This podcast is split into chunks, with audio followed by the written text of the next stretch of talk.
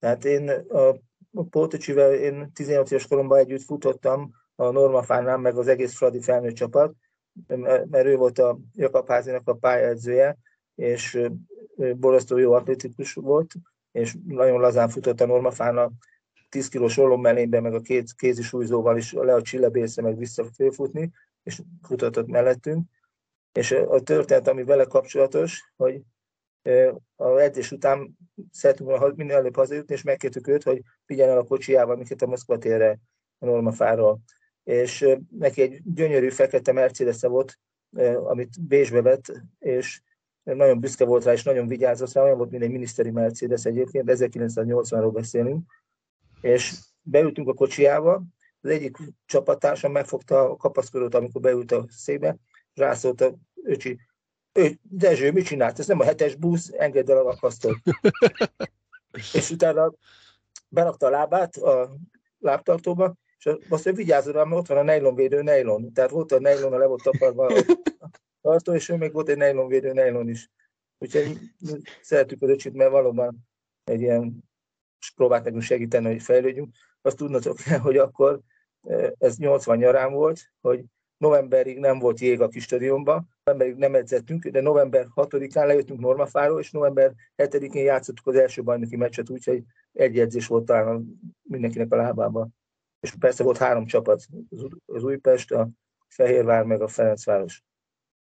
Ja, nekünk van egy ismerősünk, aki velünk megszeretett a jégkorongot, a Lajos, hogy látta őt játszani, és ő írta a poszt alá, amikor ugye kijött a poszt, hogy szegény elhunyt, hogy sose látott jobban korcsolyázó játékost magyar régen nála. Tényleg ennyire jó kori technikája volt?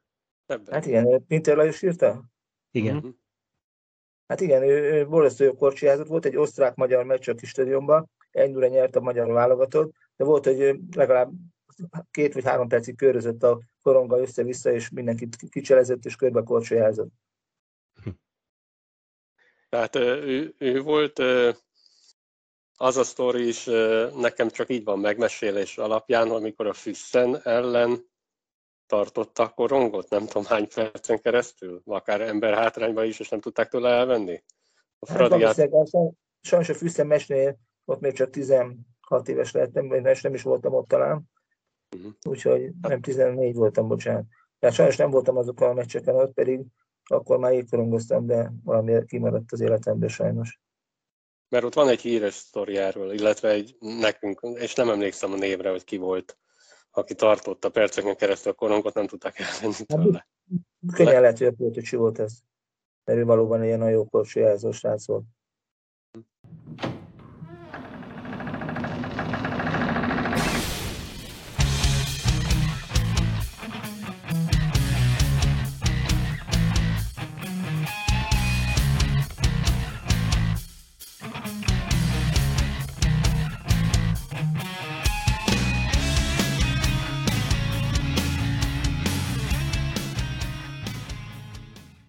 Mai beszélgetésünk, beszélgető társunk budapesti születésüként értelemszerűen a KSI-ben kezdett annak idején korongozni 9-10 éves korában.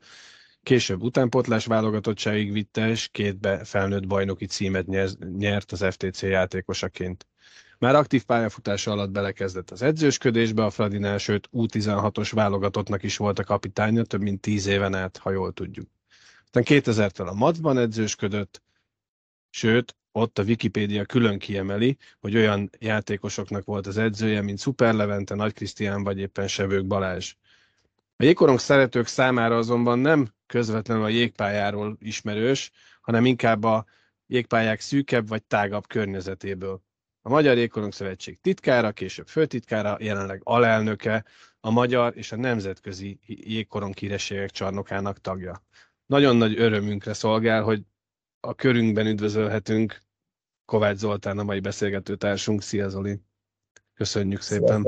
Én is örülök, hogy tudunk beszélgetni. Először is az a kérdés, hogy bármit hibáztunk-e így a felvezetőben, vagy, vagy közel? Hát nem voltam tíz, nem voltam tíz évig a U16-os válogatottnak a szövetség kapitánya, talán két, két évig maximum, de... Uh-huh. Akkor ennyi a hiba. A, a számokban igazi, sose voltunk jók. Az igazi első kérdés az, hogy miért pont a jégkorong? miért, honnan a jégkorong szeretet, vagy mi annak idején, talán mondjuk, hogy talán labdarúgás, gondolom, az volt igazából az első számú. Miért pont a jégkorong? Még előtte hat év hozzá valamit ez az U16-os dologhoz. A Balog Tibivel, a Kukával voltunk U16-os edzők, és mentünk Hollandiába, egy Tilburgba, ahol egy minden évben megrendezendő nemzetközi tornán vettünk részt, és hogy milyen világ volt akkor, a rendezők adtak 20 játékosnak szállást, meg két felnőttnek, most a két felnőtt helyén az a két buszsofőr aludt, mert váltó sofőrök kellettek, és mi a Balog TV-vel fizettük a három négy éjszakára a szállásunkat, tehát nem volt ilyen dajdaj, meg ennyi ilyen stáb, létszám és a többi, hanem a buszsofőrök kapták a kedvezményezést a szálláson. És hogy miért a jégkorong? Hát azért, mert a Városligeti műjégpályára jártunk korcsiázni az osztálytársaimmal, és ott a Kási levadázta azokat, akik kicsit, kicsivel jobban korcsőztek az átlagnál, és akkor így a több osztálytársam együtt a Kásibe elkezdtük az edzéseket. Uh-huh.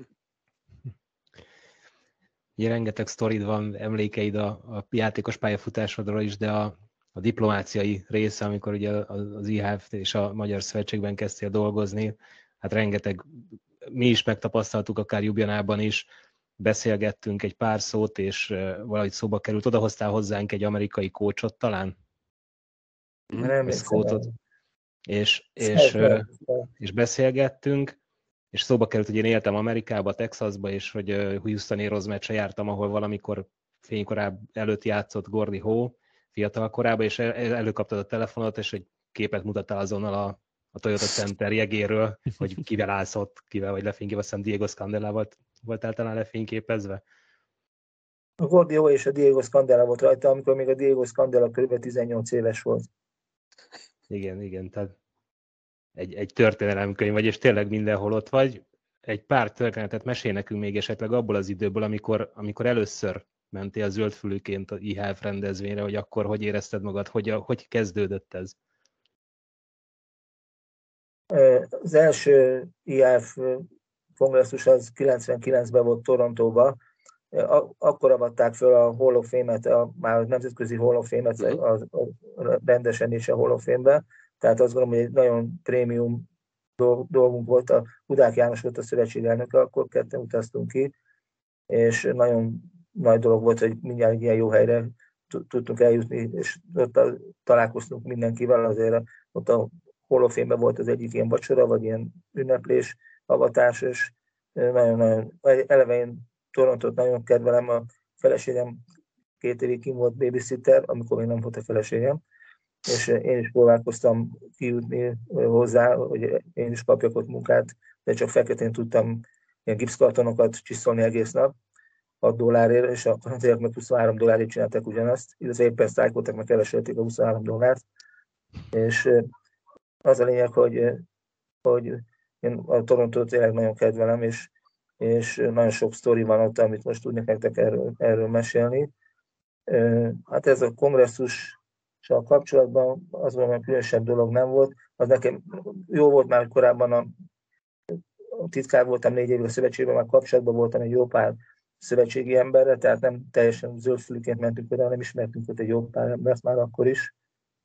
És hát röviden ennyi. Illetve, na mindegy, túl sok téma van, és most nem tudom, melyikbe kezdjek bele. Lehet, hogy könnyebb, hogy ti kérdeztek még. Azt jól gondoljuk, hogy nem sok olyan világsztár van a jégpályákról, vagy a jégpályák környékéről, akit ha most azonnal felhívnál, nem örömmel venné fel a telefont? Hát meg kell, hogy száfoljanak. Sajnos ilyen világsztárok nagyon nincsenek a telefonomban, tehát alapvetően inkább én a főtitkárokkal, esetleg elnökökkel, szövetségi vezetőkkel, szövetségkapitányokkal, edzőkkel van kapcsolatom, tehát azon edzőben biztos a Juka Jalonent, vagy a Grenlundot, vagy azt gondolom, hogy sok edző van valóban, akit telefonomban megtalálható, de mondjuk a Péter Forsberg benne van a telefonomban, de ez nem az a Péter Forsberg, hanem az a Svéd Szövetség alelnöke van a telefonomban. Mm-hmm. Tehát a Véngreckinek is nagyon nehezen szereztük meg az elérhetőséget, amikor a Pásztor Gyuri bácsinak egy ilyen megkértük egy üdvözlő szövegre, úgyhogy Nem, azért azt gondolom, hogy túl sok a misztikum vagy a legenda az a kapcsolatban, hogy hány embert ismerek. Valóban sokat ismerek, de nem feltétlenül ismert emberek ezek, hanem a, ugyanúgy a jégkorongnak ilyen háttérmunkásai mindenmilyen én voltam, vagy vagyok talán. De azért sok olyan világsztárral találkoztál, aki, aki benned is olyan izgalmat keltett, nem, hogy találkozhatsz ilyen emberekkel, mesélj egy párat, akikkel itt. Hát a, a Gretzky az mindenféleképpen ilyen. Én 1984-ben, az egy, egy hosszabb történet, most nem akarnám elmondani, az egészet, én 84-ben kimentem az USA-ba, egy, volt egy Greyhound bérletem, és azzal beutaztam Észak-Amerikát, úgyhogy New Yorkból elmentem az Ámis Ámisokhoz, tehát Pennsylvániába, és onnan tovább mentem Los Angelesbe. Los Angelesben volt akkor az olimpia egyébként, uh-huh. amikor én ott voltam pont az az idő alatt, sajnos azt mi bolykottáltuk, úgyhogy nagyon fájdalmas volt azt végszenvedni, látni, hogy a románokat ugye megtapsolják a tévében, amikor bevonulnak és mondják, hogy itt az egyetlen ország, aki a kommunizmus diktatúrára ellenére eljöttek és részt vesznek az olimpián. Úgyhogy a, ezen a túrán én nekem az legfőbb célom az volt, hogy lássam a Team Kanadát, hogy készülnek a Kanada kupára, és a busszal éppen mentem Vancouverba, Seattle-ből, és akkor ott egy, egy hoki voltam együtt a buszon, és ott mondtam, hogy én szeretném látni a Team Kanadát, mondta, hogy Vancouverban leszállunk a buszról, vegyünk egy újságot, Hockey News-t, és megnézzük, hogy hol ez a válogatott. Nekem öt napos vízumom volt csak a kanadai nagykövetségtől Kanadára, és három napig átér az ember Vancouverből Torontóba. Úgyhogy amikor megvettük az újságot, írták, hogy Montreal Fórumba edzi a kanadai válogatott, akkor elköszöntem ettől a sráctól, aki egyébként később megtaláltam a nevét a Youth Guidebookomba, hogy ő lett a Buffalo Sabresnek a Stanley Kupa, Stanley Kupa győztes kapusa, Pietrangelo-nak hívták, Frank Pietrangelo, még most is kapcsolatban vagyunk vele, Na az a lényeg, hogy átmentem három nap alatt non-stop Vancouverból Torontóba. Egyik nap csak tavakat láttam, a másik nap csak fenyőerdőket, utána meg csak kukoricatáblákat. És megérkeztem Torontóba, ott kiderült, hogy Montrealban nem érvényes a, nem érvényes a Greyhound bérlet. És muszáj volt stoppolnom, úgyhogy kiálltam a Torontó külső benzinkutyához, és stoppoltam. Első nap senki nem vett fel, a második nap fölvette egy egy fehér kerilet, amiből ott voltak kellemetlenségek, mert az úr azt hitte, hogy én a homoszexuális szerelmet ezt díjazom, úgyhogy mondtam, hogy, mondtam, hogy én igazából a jégkorongot díjaznám, hogyha arra hogy ahogy úgy terveztem. Erre még próbálkozott, levitt az autópályáról, a kukoricaföldre mentünk, és kérdezte, hogy akarok inni valamit, mondtam, hogy még mindig nem, úgyhogy elhatároztam, hogy akkor, ha kiugrok, akkor hátizsákon bemaradok a kocsiába, úgyhogy szerencsére kirakott az utcán, és mehettem Montrealba. Montrealba ott álltunk a fórum előtt, egy jó pár ilyen autogramkérő sráccal, és jöttek sorba a játékosok, a, a nagy sztárok, például Péter Stásznyak volt először e, válogatott a kanadaiban, hiszen ő diszidált 80-ban a szlován Bratislavából, és a nagy dolog volt ez, hogy bemutatkoztat a kanadai válogatottba, és hozzá oda mentem, én nagyon rosszul beszélek azért szlovákul, és kértem, hogy vigyen már be az edzésre, hadd menjek be, de mondta, hogy nem tud segíteni. És egyszer csak így elhalkultak az autogramkérő srácok, és jött egy vékony, tőlem alacsonyabb, ilyen strandpapucs, rövidnadrágos srác, aztán mindenki nekiugrott, és akkor láttam ez a Wayne Gretzky, aki jött éppen strandpapucsba. Én is odaadtam az újságomat, csináltunk egy közös képet, én mellé álltam, de, és utána megpróbáltam bejutni az edzésükre, és ez úgy sikerült, hogy volt nálam olyan Fradi zászló, meg Fradi jelvény, és odaadtam a portásnak, és ezzel beengedett engem, hogy megnézhessem az edzését egyedül a többiek közül a csarnokban. Ez volt az egyik találkozásom a Greckivel, a másik pedig, a, az pedig Hannoverben volt 2001-ben a világbajnokságon. Ő volt a csapatvezető, és ugyanabban a szállóban laktunk, és ott a VIP-be odaadtunk neki egy magyar válogatott meszt, és azt aláírta, amit utána később elárvereztünk, és ilyen jótékony célra ajánlott fel a Jégkorong Szövetség. Hát szegénynek nem volt könnyű élete, mert folyamatosan ütötték a plexit a gyerekek, hogy Mr. Gretzky, Mr. Gretzky, tehát ő mindenhol a fekete szemüvegben járt meg, meg egy, volt egy kísérője, hogy minél gyorsabban mentsék ott a tömegből. Nagyon népszerű játékos volt már akkor is persze. azon, azon gondolkoztunk, hogy, hogy milyen hosszú lesz az adás. Lehet, hogy több részes, mert bármit kérdezünk, arról tudja, hogy eszedbe jut négy sztori, amiből csak egyet tudsz elmondani a legrövidebben, és így is egy olyan három-négy négy óra, de mi ráérünk. Hát uh, felét mondtam el talán ennek a turnének, ami volt ebben még rengeteg hokis élmény, de nem beszélve az olimpiáról, meg, meg a McDonald's szponzorációról, meg a sok mindenről, de, de tényleg szorítkozunk a jégkoromra. Ez mind hozzátartozik. Ha, ha jól uh, tudjuk, vagy jól emlékszünk, uh, amikor uh, Német Miklós volt talán a Jégkorom Szövetség főtitkára, és... Elnök, uh, elnök, Német Miklós az elnök, elnök volt. Elnök. ő volt az elnöke, és mentetek, uh, uh, mentetek egy uh, én úgy emlékszem a sztorira, amit talán Jubjanában hallottunk őtől le. Ő mesélte, hogy amikor először mentetek egy ilyen IAF kongresszusra, akkor, akkor ő azt tette észre, hogy, hogy bementek egy terembe, akkor mindenki hozzád megy oda. Nem te mész előre köszönni, hanem hogy hozzád jönnek oda az emberek, és, és ha jól emlékszünk, hogy ezt együtt, akkor, akkor az egy sikeres, hogy mondjam így, így munkakapcsolat volt, mert ha jól, jól tudjuk, akkor jutottunk fel az átcsoportba? Ez az, az, az az időszak? Hát 2009-ben játszottunk az átcsoportba, Igen. és a német Miklós 2011-ben lett, vagy 11-ben lett elnök. Ő Krakó után mondott le, nem? Igen, Krakó. Akkor... Igen, Krakó után, igen, igen, igen. Uh-huh. És Tehát, uh, igen. Tehát ilyen, amit mond, mondasz, hogy beléptünk a kongresszusi terembe, és többen odaértek, ez most is azért így van. Tehát azt gondolom, hogy ennek megvan, sok oka van ennek. Az egyik oka az például, hogy egy portugál küldött javaslatára 2001-ben a, úgy döntöttek a sok delegátusok, főleg a kisországok delegátusai, hogy csináljunk hokis, hoki meccset, így egymás között játszunk így a delegátusok hiszen addig az volt, hogy minden, mindig a golf versenyt hirdették meg, az IF, hogy lehetett a kongresszusért menni golfozni, de hát csak a kanadaiak mentek, az amerikaiak mentek, németek, mit tudom én, svédek, finnek, és a többség a kisországok nem mentek se golfversenyre. És azt mondták a, ez a portugál srác, hogy ha már jégkorongot képviseljük itt a kongresszuson, akkor jégkorongozunk mi már, és elintézte a, a Bauer-ra, Bauer cégje, hogy 40 darab komplet felszerelést adtak a delegátusoknak, vadonatújat, amit az utolsó játéknap, amikor volt a BB utolsó játéknapja, délelőtt, illetve délben lehetett játszani, aki jelentkezett előre ezek a meccsekre.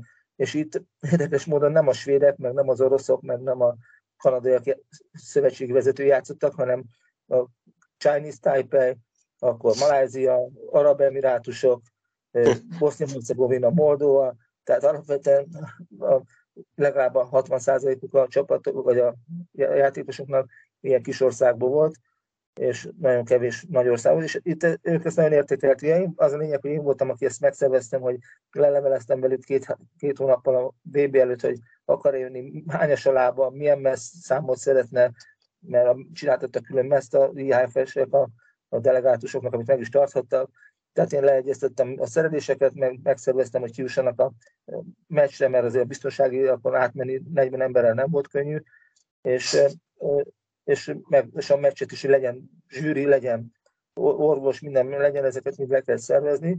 És volt, amikor a Hartwell Arena Center pályán játszottunk, de volt olyan, amikor edzőpályán játszottuk a, a, a kijelölt edzőpályán is, és ezt nagyon értékelték a többi delegátus, hogy valaki ugrabugrán értük, meg, a, meg átvállaltuk a Euro Ice Challenge-nek a szervezését, és mi szerveztük meg igazából a nagy négy vagy hat ország után, tehát az oroszok, meg a kanadaiak, amerikaiak után, meg a csehek után a többi országnak a felkészülési programját ebbe a EIHC programba, és igazából velünk kellett egyeztetniük, hogy mikor kivel akarnak játszani, milyen tornát tudnak csinálni, és ők ezt értékelték, hogy valaki helyettük futja a köröket, és nekik intézi a, ezeket a felkészülési meccseket, tehát innen volt a további kapcsolat. És hát azért hogy sok minden jó dolgot csináltunk, amit mindig kíváncsiak voltak, hogy hogy, hogy történik a pályépítések, hogy történik a felszerelés, beszerzések, és a többi, és akkor ebben mi mindig megosztottuk a saját tudásunkat velük. Akkor valahol ennek köszönhető az, hogy abban az időben ide tudtátok hozni Kanadát, Svédországot, Finnországot. Mi, mi, ugye külső szemmel ezt nem tudjuk, nem tudtuk ezeket a dolgokat, csak azt láttuk, hogy amikor nem volt pénz a szövetségnek, vagy jóval kevesebb pénzből gazdálkodott, akkor ezek a nagy országokat ide lehetett hozni, most pedig nem, jó idén itt volt Kanada, de hogy, de hogy ez, ezt mi hiányoljuk, ugye, hogy most unásig játszunk ugyanazokkal a Div 1 csapatokkal. Hát elmesélem, hogy a Kanada hogy volt, ez 2002-ben vagy 2003-ban jöttek ide, de 2002-ben kezdtük szervezni. Írtunk egy meghívó levelet a Bob Nicholsonnak, ő volt akkor a Kanadai Szövetség elnöke, hogy meghívnánk a válogatottjukat, és mindent fizetünk, repülőjegyet, szállást és a többit felkészülésként 2003. februárban, amikor ők egyébként is Skoda kupára szoktak menni Svájcba.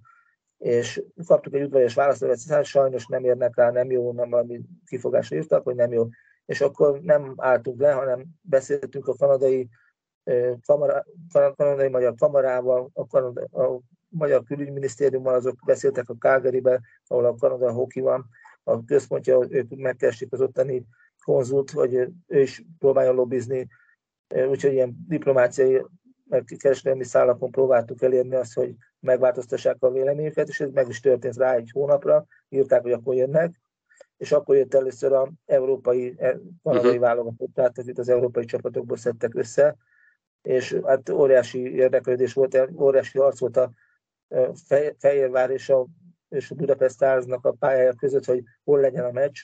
Komoly pénzeket ígértek mind a két oldalról a, a szervezők, hogyha ott lesz náluk, végül Fehérvár nyerte meg. Biztos emlékeztek, hogy voltatok a csillágon, és lógtak az emberek, teljes teltház volt. És uh, utána még, amíg itt voltak, annyira jól érezték magukat, hogy még a tartózkodásuk másnapján aláírták a szerződést, hogy jöttek három hónap múlva, de akkor már egy éles válogatottal jöttek, amelyik uh-huh. Prágába mentek tovább, és meg is nyerték a világbajnokságot Prágába. Tehát a Luongo volt a kapus, Danny Hitli volt a legjobb játékosok között. Igen.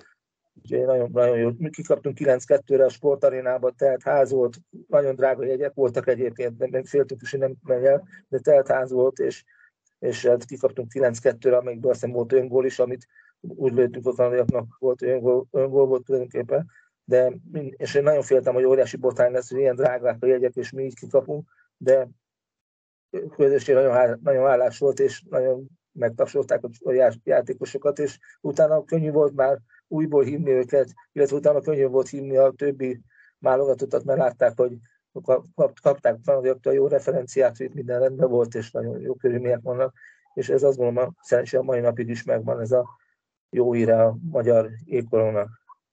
És akkor ez miért múlt el? Ezen, bocsánat, ezen a 9-2-esen kint volt, én kint voltam, nem tudom, hogy Albi ott volt. Kint voltunk. Ezen mi kint is voltunk. A Fehérvári nem, de a Fehérvárin úgy emlékszem, hogy 5-4-re kaptunk ki, ott Csicsó lőtt az első gólt, talán lőtt még egyet. Bocsánat, ilyen... egy sztori, bocsánat, itt van egy hoki sztori. Tehát 5-4-re kaptunk ki a kanadaiaktól Fehérváron, de ez úgy történt, hogy a Scott Selmond, aki mai napig is a vezetője a kanadai válogatottaknak, akikvel egyeztettük mi folyamatosan ezeket a programokat, ő fölhívta az első harmad után a kanadai szövetséget Calgaryba, hogy a magyarok vezetnek 2 0 Utána fölhívta a második harmad végén is a kanadai szövetséget Calgaryba, a magyarok még mindig vezetnek, mit tudom én, 3-1-re vagy 4-2-re. És utána a harmadik harmad közepén csak csörgött a telefonja, és Calgaryba hívták, hogy megy az eredmény. Mert izgulták, hogy kikapnak a magyaroktól és akkor végül ötény lett a eredmény. Tehát ez egy jó, jó történet volt velük kapcsolatban. De mondhatnék olyat is, hogy, hogy jött ez a válogatott a repülőtéren, a Feri egyen megérkeztek, és volt köztük egy srác, aki valami Mikinek hívták, most nem tudom visszaidézni nevét, akiről kiderítették az újságírók, a Spiller István és a többi, hogy, hogy ez, ez a srác Stanley kupát nyert. De senki nem ismerte, én se ismertem meg igazából, hogy ki ez a srác. Úgyhogy amikor kijöttek a kanadaiak a reptérnől, akkor odaadtam a Scott Selmondhoz, akit ismertem, mondom, Scott, mond már melyik az a Miki gyerek. És ha most rámutattam volna a pilotára, akkor a pilotára ugrottak volna rá a tévések, meg a sajtósok, de szerencsére jó srácra mutattam, és, és megtalálták a megfelelő emberüket. Tehát annyira nem ismertük azért akkor a kanadai válogatottat. Mondjuk ez a sztori jobb lett volna úgy. Ha tényleg a pilótára mutat, nem tudunk visszamenni az időbe, de jó lett volna. Szóval, szóval... Miért, miért veszett ez el? Tehát voltak a kanadaiak szóltak a finneknek, hogy gyertek, mert itt olcsó a sör, meg jó a vendéglátás, meg mit tudom én. Miért veszett ez el? Hova tűntek ezek a válogatottak? Szépen lassan koptak ki a magyar felkészülési programból. Hát azt kell mondani, hogy szerintem mi annak idején hazadíroztunk a, ezekkel, mert nem voltak meg ezeknek a pénzeknek a, tehát rendeztünk négy, nem, négy nemzet tornát 2005-ben a arénába, a németekkel, a szlovákokkal, a kanadaiakkal, és, és ki volt még a, még volt német, Kanada, most nem fogja a szlovákok voltak ott, na mindegy. És akkor, akkor mi hazádéröztünk, és, és nem volt meg a pénz arra, hogy kifizessük az arénát, meg a szállodai mm. kölcsön. Nem bíztunk abban, hogy majd bejönnek szponzorok, lesz majd bevétel, és így is történt, úgyhogy sikerült viszonylag jó megállapodást kötni az arénával, akkor, akkor 20 milliót fizettünk, ez 2005-ben volt, 20 milliót fizettünk az arénának a három vagy négy napos fenntartására, vagy jeges bérlésére. Ma meg ennek a tízszerese szerintem a bérlés, vagy még annál is több.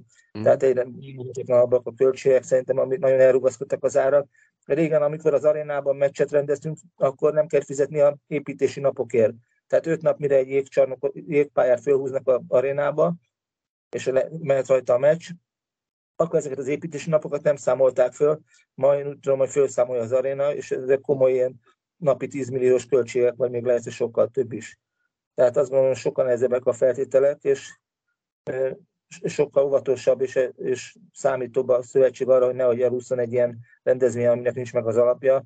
Tehát, hogyha nincs rá fedezet, akkor a szövetség nem, nem ugrik rá az eseményre. És ilyen volt mint, Winter is, amelyik borzasztó költséges rendezvény, de az is olyan, amelyik azért hosszabb távon megtérül valahol abba, hogy lesznek szponzorok, lesznek szövetségnek új partnerei, a médiában népszerűbb lesz, közönség szívesen megy, szurkolók élvezik ezeket a rendezvényeket, úgyhogy én egy picit talán azt gondolom, hogy nem biztos, hogy mindig baj volt, hogy egy kicsit ilyen belementünk ezekbe a meghívásokba. Biztos, hogy nem, baj. Biztos, hogy nem volt baj. Az, hogy most Kanadát ide tudtuk, tudtátok hozni, abban mekkora szereped volt neked személy szerint? Hát annyi, hogy a, hogy a Scott elmondott, áldogált a VIP-be, a Tamperei IAF VIP-be, és oda, oda jött hozzám, hogy kivel kéne beszélnie a, a jönnének Magyarországra. És akkor mondtam, itt van a Dom McAdam, itt van a Sipos Levente, ők a kompetens emberek, és és akkor áttereltem hozzájuk, és a Don valamennyire már talán ismerte is a, Scottot, megismerték így a főtitkárunkat is, és ők folytatták onnantól kezdve a beszélgetést és egyeztetést a meccsekről. Azt jól tudjuk, hogy, hogy ez két évre van meg ez a szerződés, vagy ilyen, nem tudom, nem írásos kontrakt, vagy csak szóbeszéd, hogy, hogy Kanada elvileg jön 24-ben is, így van, igen, és... én is úgy tudom, hogy, én is úgy tudom, hogy ja. van velük két éves szerződés, tehát voltak... Hogy hogy lehet ezt megoldani? Időben. Hát, mire? Hát most annyi szépséghibája lesz a dolognak, ami hasonlít majd a 2004-es szituá- vagy 2003-as uh-huh. szituációhoz, amikor, amikor a kanadai válogatott akkor játszott a magyar, amikor a magyar már visszatért a világbajnokságról. Uh-huh. Az a 92-es meccs az úgy volt, akkor Norvégiából jött haza a válogatott, és akkor bevállalták a válogatottak, hogy a VB után még lejátszanak egy ilyen úgymond bemutató meccset a kanadaiakkal. Most tulajdonképpen idén tavasszal is valószínűleg ez lesz, hogy a Bolzánóból hazaérkezik a válogatott, és, és ezt követően fognak játszani a kanadaiakkal. Mert kanadaiak átcsoportba mennek, nekik nem jó az, hogyha Bolzánó előtt jönnének, nekik az nem, nem, nem fér bele a programjukba. Igen, most uh, lehet, hogy csúnya leszek. Nehogy... a feljutást. Nehogy az legyen, hogy Div 2-es csapattal kell játszaniuk. Hát bízunk benne, hogy nem ilyen még azért nem volt soha, reméljük ez után se lesz.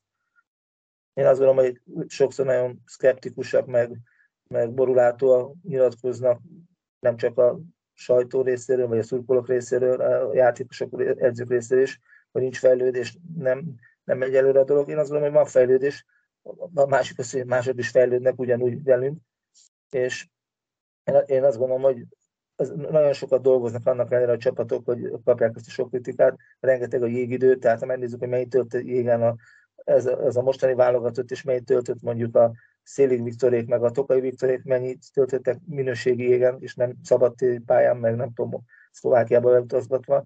Tehát szerintem most a, ez a nagyon sok munkának egyszer azért kell, hogy legyen látszatja, sőt azt gondolom, hogy van is, hiszen a, a másik az, hogy a mindegyik válogatott a férfi, meg a nő is ott van mindjárt a élvonal mögötti első csoportban, és nem a divízió kettőbe, úgyhogy én remélem, hogy az tényleg csúszság lenne, hogyha románok, román válogatottól is, meg nem tudom, kitől kikapnánk, és kiesnénk, ilyenre nem is mennék gondolni.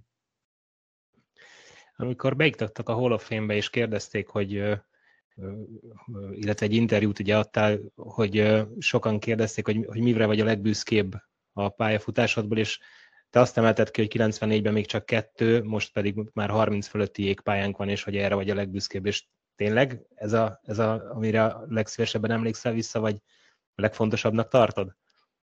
Én akkor 94-ben oda kerültem a Jégkorong Szövetséghez, akkor egy nagy vágyam volt, amit én magamnak mondogattam, hogy egyetlen egyszer a életben, amíg én szövetségnél dolgozom, én átvághassak egy jégcsarnoknak megnyitóján a, a szallagot.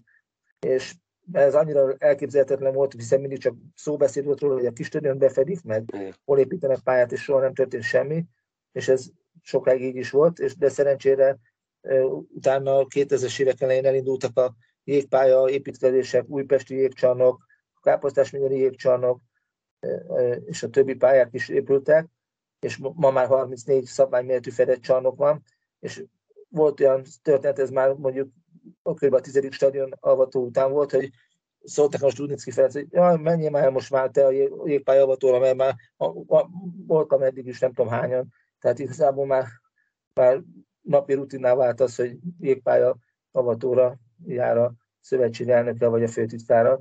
Úgyhogy azt gondolom, hogy ez, erre mindenféleképpen büszke vagyok, hogyha túl sok közünk nem is volt, ha más nem annyiba, hogy mi megpróbáltuk a önkormányzatokat, meg a kormányt, meg a minisztériumot kapacitálni, hogy támogassák a jégpályépítési programokat, uh-huh. de az a önkormányzatoknak kellett azért nagyon keményen mellé állni, hogy ezek meg is valósuljanak, ezek a jégpályák, akár Miskolcon, akár Debrecenben, és akár Kaposváron, és még mutatnék nagyon sok helyet.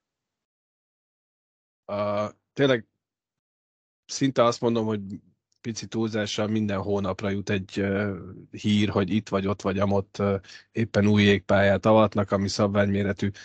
Miért nem született az elmúlt 15 évben, vagy 10 évben egy olyan csarnok, amire azt tudjuk mondani, hogy a, a magyar jégkorong válogatottnak a csarnoka? Hát azért, mert egy ilyen csarnok, mint a Fehérvári pálya, hát ezt most jobban tudjátok, lehet, hogy ez hány milliárd forintba került, ilyen 80, lehet, hogy 60 vagy 80 milliárd forint, nem tudom, ennyi, 30-ról indult annak idején, úgy emlékszem. Tehát egy ilyen pályát... Igen, de 30-ra, bocsánat, 30-ra azt mondták, hogy drága, ezért nem építik meg. Igen. Na most ilyen, ilyen árakon lehetett csarnokot építeni egy pár évvel ezelőtt.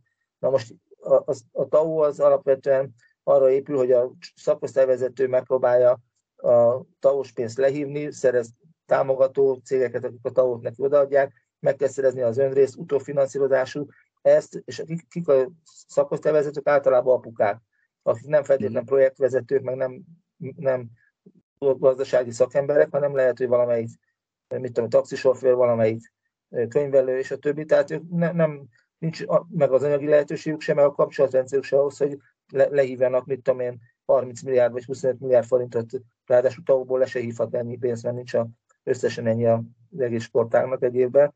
Tehát én azt gondolom, hogy, hogy ez, ez egy klasszikus állami feladat a, egy ilyen 4-5 ezer stadionnak a megépítése, de szerintem legtöbb helyen máshol is így, így zajlik, és talán ez, a, ez, ez az ok ennek, és az az oka, ezért van 34 pályából, alapvetően nagyon sok sátras pálya, meg kis pálya, kis lelátóval, mert nincs arra pénz, hogy nagy csarnokot építsenek a, a, a taost lekérő, leívó egyesületek vezetői. A, bocsánat, a, egy, egy mondjuk egy négyezres csarnoknak a, a fenntartása a hétköznapokban úgy, hogy csak simán egy, mit tudom, most mondjuk Ajkán, hogy ott lenne egy 4000 férőhelyes csarnok, annak a fenntartása az annyival többe kerül, vagy csak a megépítése kerül többe? Hát azt gondolom, hogy az Ajkai stadionnak nagyon nagy a légtere. Például az behűteni, az egy borzasztó nagy költség. Tehát, hogyha Káposztás megyere elmentek, nem véletlen, hogy mindig a, a, a pincébe csúsztatott pálya, tehát ami már föld felszíne alatt van pálya, azt hagyják meg nyáron is csak működni, mert mhm. annak a fenntartása sokkal olcsóbb, mint mondjuk a nagypályának, ahol borzasztó légtere van. Tehát azt gondolom, hogy nézzétek meg azok a pályák, a Újpest edzőpálya, vagy a Mátyásföld, vagy az Érdi pálya, az már nem ilyen elven készült, az figyelt arra, hogy a beltérs legyen túl magas, és megfelelően tudják ezt hűteni, és főleg szigetelni az épületeket, hogy minél kevesebb hőszög nőjön el. Tehát azt gondolom, hogy ezek a feladatok, és most már egyre több helyen van a, ezek a szolár napelemek és a többi, amivel kb. egyharmadot ki lehet váltani a teljes energiaköltségből, ahogy én ezt hallom a üzemeltetőktől. Uh-huh.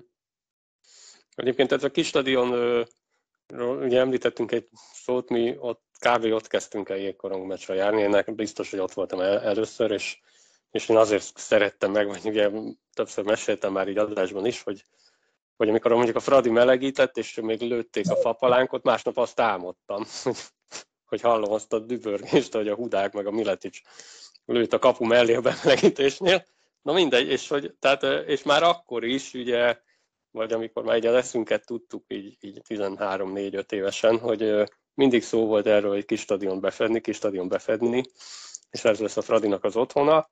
Na most az, az, az még mindig tart ez a sztori. Vagy azóta ezt már el is engedtük, ez a kis stadion befedni, mert azt már inkább le kéne dózerolni és újra felhúzni?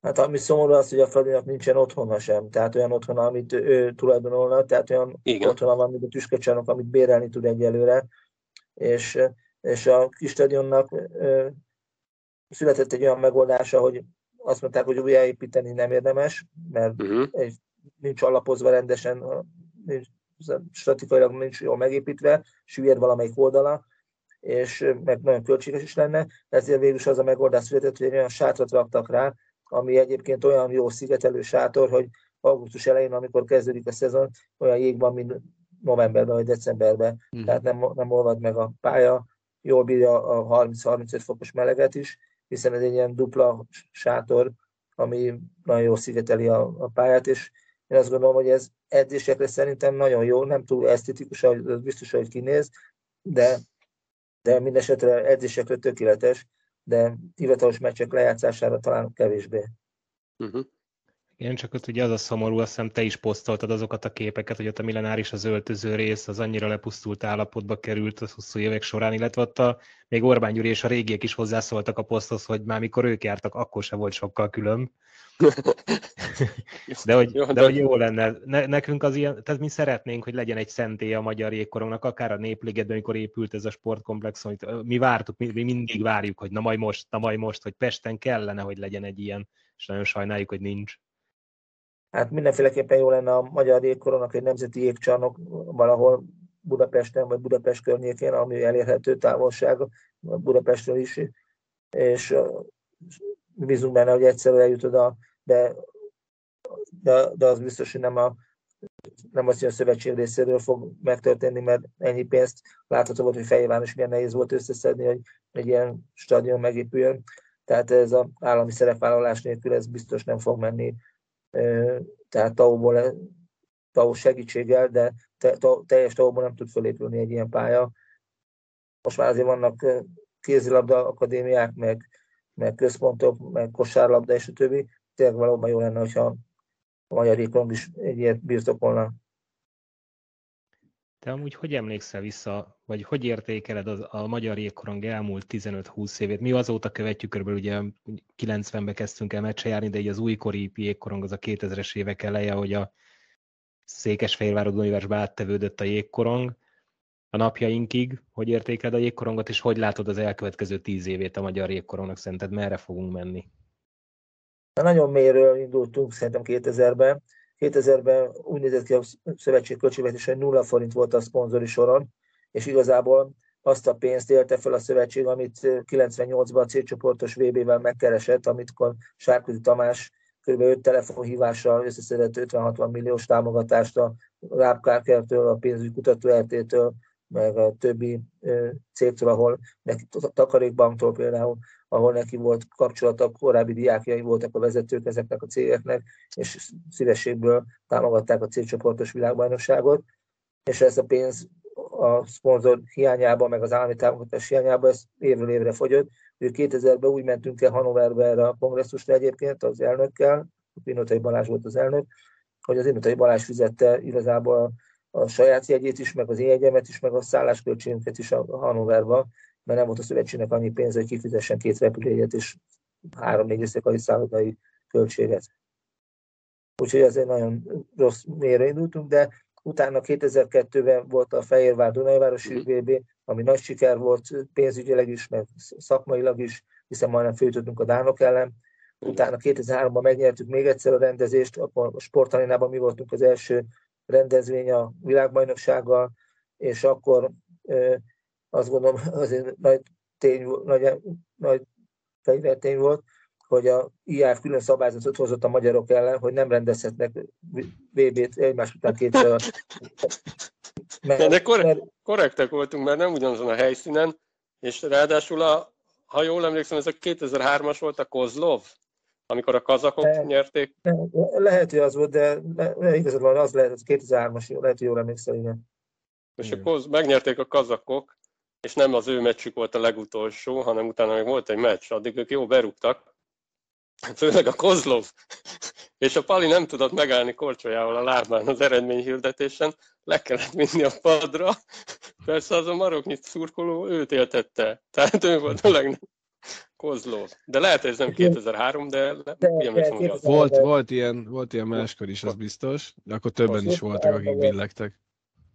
De, és a vicces, hogy ő volt ő lett a legjobb játékos, neki ki kellett volna menni átvenni a na, na ez erre már nem emlékszem. Gyorsan levették róla a korit, mert úgy talán jobban tudott állni. Hát igen, hát régi szép hát idők. Ah, és, akkor ment tovább, és akkor ment tovább ez a Verkli. 2005-ben megint világbajnokságot rendeztünk Debrecenben. Debrecen. Igen. Szintén gazdaságilag is egy jó rendezvény volt, és szakmailag is. De jó volt a az ja. nagyon jó. Ha jól emlékszem, itt, itt már Pet Cortina volt az edző, aki szerintem nagyon sokat hozott a magyar ékorongnak, és itt a Pet Cortinára elmondok egy érdekes jó történetet, hogy, hogy ő mindig csinált ilyen műsort, ilyen színházat a öltözőbe, hogyha szarul játszott a válogatott, és a kínaiak, a kínaiaktól nem, nem, azt hiszem vezettek a kínaiak, vagy, nem, vagy szoros meccs volt az eleje, Hát első harmadban összetört a tábláját az öltözővel közepén, szinte nagyon a játékosokat, és volt neki egy olyan órája, amit bátran mindig hozzá mert vágni a falhoz így mérgébe, és összetört az óra, és akkor mindenki látta, hogy hát ez az ember, az edző még az öt óráját is összetöri, hát akkor milyen mérges lehet, hogy szedjük már össze magunkat. Ez kiderült, hogy neki volt egy óra készlete, amiket mindig fölvett, és azokat tör- törögette össze, tehát megpróbálta így lelkesíteni a srácokat.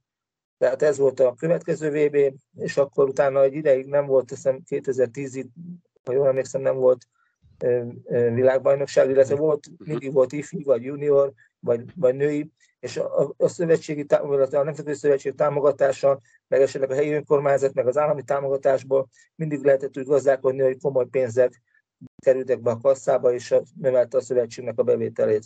Tehát mi mindig azon voltunk, hogy egy évben legalább két utánpótlás VB-t, vagy felnőtt VB-t, vagy női VB-t rendezzünk, mert ennek mindig jelentős anyagi haszna volt. És 10, 10 után volt két VB 11-ben, meg 13-ban az, a, a, szintén az arénában, ahol közel voltunk a feljutáshoz. Akkor volt a, ugye korábban volt a lockout, amikor Continental kupában Dinamo Kiev, Real mhm. Moszkva és a Zojom jött ide, a NHL játékosokkal együtt, úgyhogy Hanzus, azon igen, ez igen. Emlékszem, hogy a szurkolók Fehérváron, volt a, Fehérvárnak volt a meccs talán a Milánóval, vagy nem tudom pontosan kivel. Igen. Még a meccsnek, és két óra múlva kezdődött a Zójon Dinamo Moszkva meccs, és az emberek nem mozdultak a helyükről, mert elféltek, hogy elvesztik a jó pozíciójukat, és ott három ezer ember ott áldogált, és úgy várta két órán keresztül, hogy kezdődjön az olyan Dinamo Moszkva meccs, amire egyébként úgy volt, hogy az Ovechkin is megérkezik a 20-as VB-re Kanadából, de aztán valamiért nem engedte el az edzője, úgyhogy hmm. a Moszkva itt volt a jól emlékszem, a, a, a sztárját, és a Daciuk itt volt mindenféleképpen, de a Ovechkin játszott. Afinogenov talán itt volt. Igen, igen, lehetséges. Én ebben nem vagyok túl jó, úgyhogy... Ö, talán még Le Cavalier is itt volt, mert, mert akkor Moszkvában játszott a lockout miatt. Vincent Le Cavalier. Tehát ott, ott elég komoly névsor volt. A Zolyomnál Michael Hanzus, olyan sérója volt, mint a, mint a Jagernek, így kilógott a Kilőtte a Volt egy olyan jelenet, valakinek. Volt, igen, ő hozta ki a törölközőt, valaki fölcsapódott a korong, valakinek vérzett az orra, és a Hanzus hozta ki a törölközőt a szurkolóknak. Igen, igen. És akkor ezt követtem, utána a feljutás, jól mondom, ez volt a feljutás Szaporóba 2008-ban, illetve volt a 2015-ben Krakóba a feljutás, azt követte a, a, a VB, ami szerintem jól sikerült, maximálisat nyújtottak a srácok Szentpéterváron, úgyhogy szerintem az nem, nem volt egy rossz teljesítmény. És hát ezt követően azért sokat változott a csapat, a szövetségnél is változások lettek, és, és, és ment tovább a Berkeley. Most azt gondolom, hogy kevesebb rendezvény van valóban, én is úgy érzem az elmúlt 5-6 évben, de, de mondom, valószínűleg ez a, az óvatos kiszámíthatóság miatt van, és remélhetőleg lesznek azért még olyan meccsek, mint amilyenek korábban voltak. Úgyhogy, de hát most is, most is van azért olyan, hogy a Fehérvár bejut a bajnokok ligája selejtezőbe, ami azt szintén nagy lehetőség volt a magyar égkorongnak a kiugrásra, és remélhetőleg lesznek még ilyen sikerek a közeljövőben is. Szerintem itt adódik a kérdés, amely mm. így végigmentünk így a világbajnokságokon, amitől nagyon mérges leszek, hogy hogy nem sikerült a Tamperei vb Budapesten rendezni. Hát e- erre nem tudok neked válaszolni, mert ebbe a dologban én nem voltam benne, tehát én a saját pályázatunkat a kongresszuson találkoztam vele, tehát igazából volt egy csapat, aki összerakta a pályázatot, és ebben voltak, amire tudom, voltak külsősök is, meg belsősök is, tehát aki belső dolgozó volt, de én nem vettem részt ennek a folyamatában, úgyhogy ezt, ezt nem, nem tudok nektek válaszolni. Én is nagyon sajnálom. Én nagyon bízok benne, és ezt elmondtam a Nemzeti Szövetségben is, Lütádisnak is, meg a, a többi vezetőnek, hogy meg kéne azt oldani, hogy minden negyedik évben olimpia van, akkor nincs nagy érdeklődés a átcsoportos válogatottaktól rendezni az olimpia évébe, mert az olimpia elviszi egy kicsit a sót, és két-három hónappal a VB előtt egy ilyen olimpia az nem okoz nagy érdeklődést egy Finországnak, egy Svédországnak, egy, egy oroszoknak, kanadaiaknak, és ilyen, ebben az évben kéne mindenféleképpen egy ablakot hagyni a kisebb országoknak, mint a Nagy-Británia mondjuk, vagy Észtország, vagy Litvánia, vagy Magyarország, Lengyelország, vagy Olaszország, hogy ezek az országok is, vagy Japán, ezek az országok is tudjanak rendezni átcsoportos VB-t, de ha nem lehet tisztán, hogy csak ők rendezik, mert nehéz esetleg ezt nekik egyedül fővállalni, akkor valami kötésbe, tehát hogy a finnek az észtekkel, a magyarok a osztrákokkal, vagy a szlovákokkal, a németek a hollandokkal, az angolok a, a finnekkel, azt gondolom, hogy meg lehet oldani, hiszen fociban már rengeteg ilyen hosszú utazásos selejtezők vannak, meg tornák vannak, és a hokiban is azért már volt erre példa, hogy repülővel kellett menni a másik helyszínre játszani, folytatni a playoffot, és azt gondolom, hogy ha az IAF-nél komolyan gondolják a fejlesztését a sportágnak, akkor azt el kell érni, hogy a kis országok is kapjanak rendezési lehetőséget, mert, mert különben nagyon ilyen vízfejű lesz az egész, hogy mindig csak ez a finn, svéd, orosz, mhm. Amerika, ez, ez nem tesz jót a sportágnak, hogyha mindegy a focinál bátran elmennek Moldáviába, meg, meg különböző helyekre elviszik, Koreába elviszik a VB-t, most meg Katárba. Tehát Katárba. Azt gondolom, azt gondolom, az, hogy az egy a... másik véglet, az már a másik vég, átestek, nem, amit szokták mondani, nem a ló túlósó oldalára estek át, hanem ez már egy másik ló.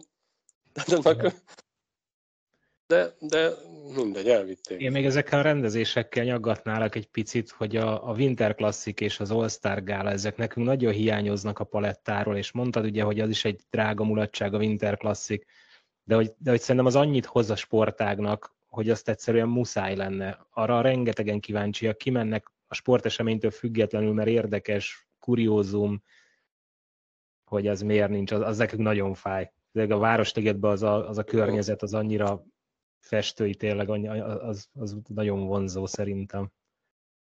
Ebbe, ebbe ezt jól látod, mert igaz, van, csak azt gondolom, hogy az All-Star, All-Star mérkőzést, hogyha én jól emlékszem, szerintem egyetlen egyszer volt igazi All-Star meccs, amikor a BS-nek a e, fölépítésére, vagy valamire gyűjtés volt éppen, és akkor rendeztünk egy olyan meccset Fehérváron, hogy a All-Star mérkőzés volt a külföldiek meg a hazai játékosok, de nem volt egy horror bevétel sajnos, mert nem volt azért sajnos akkora érdeklődés, és a Winter Classic-nál ott kettőt is rendeztünk, vagy ha a kis is ide veszünk, akkor hármat is, de ott megint az volt a baj a Városligeti Mérpályán, hogy horror költség volt a pályaképítés, mert szinte semmi nem nincsen a, meg a Városliget B napon, a hősök terén is csinálhatnánk a Winter Classicot, mm-hmm. mert ugyanannyi feltétel van meg a hősök terén, mint a Városligetben, mert nem volt jó a hűtőrendszer, ezért ott mhm. rá kellett, külön hűtőgépeket kellett beszerezni, és, és, és mobil, mobil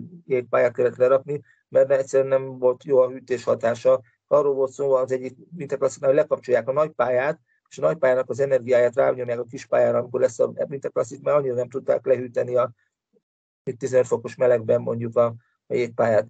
Tehát oda kellett vinni a tribűnt, oda kellett vinni a, a WC-ket, oda kellett vinni az öltöző konténereket, oda kellett vinni a, a büféket, a kiszolgáló létesítményeket, a világítást oda kellett vinni, mindent oda kellett vinni, és ráadásul egy olyan környezetben volt, ahol karácsonykor ott akkor mindig ilyen karácsonyvásár volt a felvonulási téren, és amikor jöttek a Fradi szurkolók, vagy a elsőbb a futballszurkolók, azért az nem volt túl biztonságos ott a nézőknek összetalálkozni esetleg velük, úgyhogy egy kicsit egy, ez egy rizikó volt a városligeti rendezésnél, de mondom a legnagyobb oka az, amit elmondtam, hogy ez a, ezek közel 100 milliós, van jól emlékszem, nagyságú költségek voltak, és volt ez mondjuk 4500-es tribün, amit el lehetett adni jegyeket 3 és 5000 forintért körülbelül, mm. ilyen árakra emlékszem.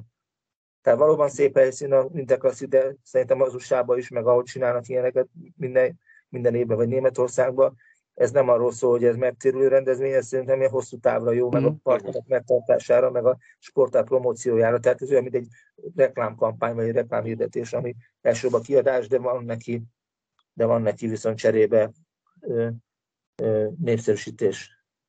Uh-huh. De akkor ez, ez csak azért nem, mert annyira nagy költség lenne, vagy annyira nagy kockázata van, hogy nagy költség lesz a vége. Gondolom itt azért az időjárás is egy olyan tényező, amit nem lehet befolyásolni, és ugye, hogyha szakad az eső azon a héten, akkor, akkor nagyot lehet bukni rajta. Hát igen, igen, igen. Szóval azt gondolom, hogy valóban, én ma is voltam a Városligetben, mert most volt a múzeumnak a, a, a felújítás avatása, de és nagyon szép környezet, azt mindenki tudja a Városliget, Egyszer megkérdezte tőlem egyébként a, a Kovács Zoltán névrokonomnak a, az édesapja, aki szintén Kovács Zoltán, biztos emlékeztek rá a bronzonra, a Macba játszott, meg Debrecenben.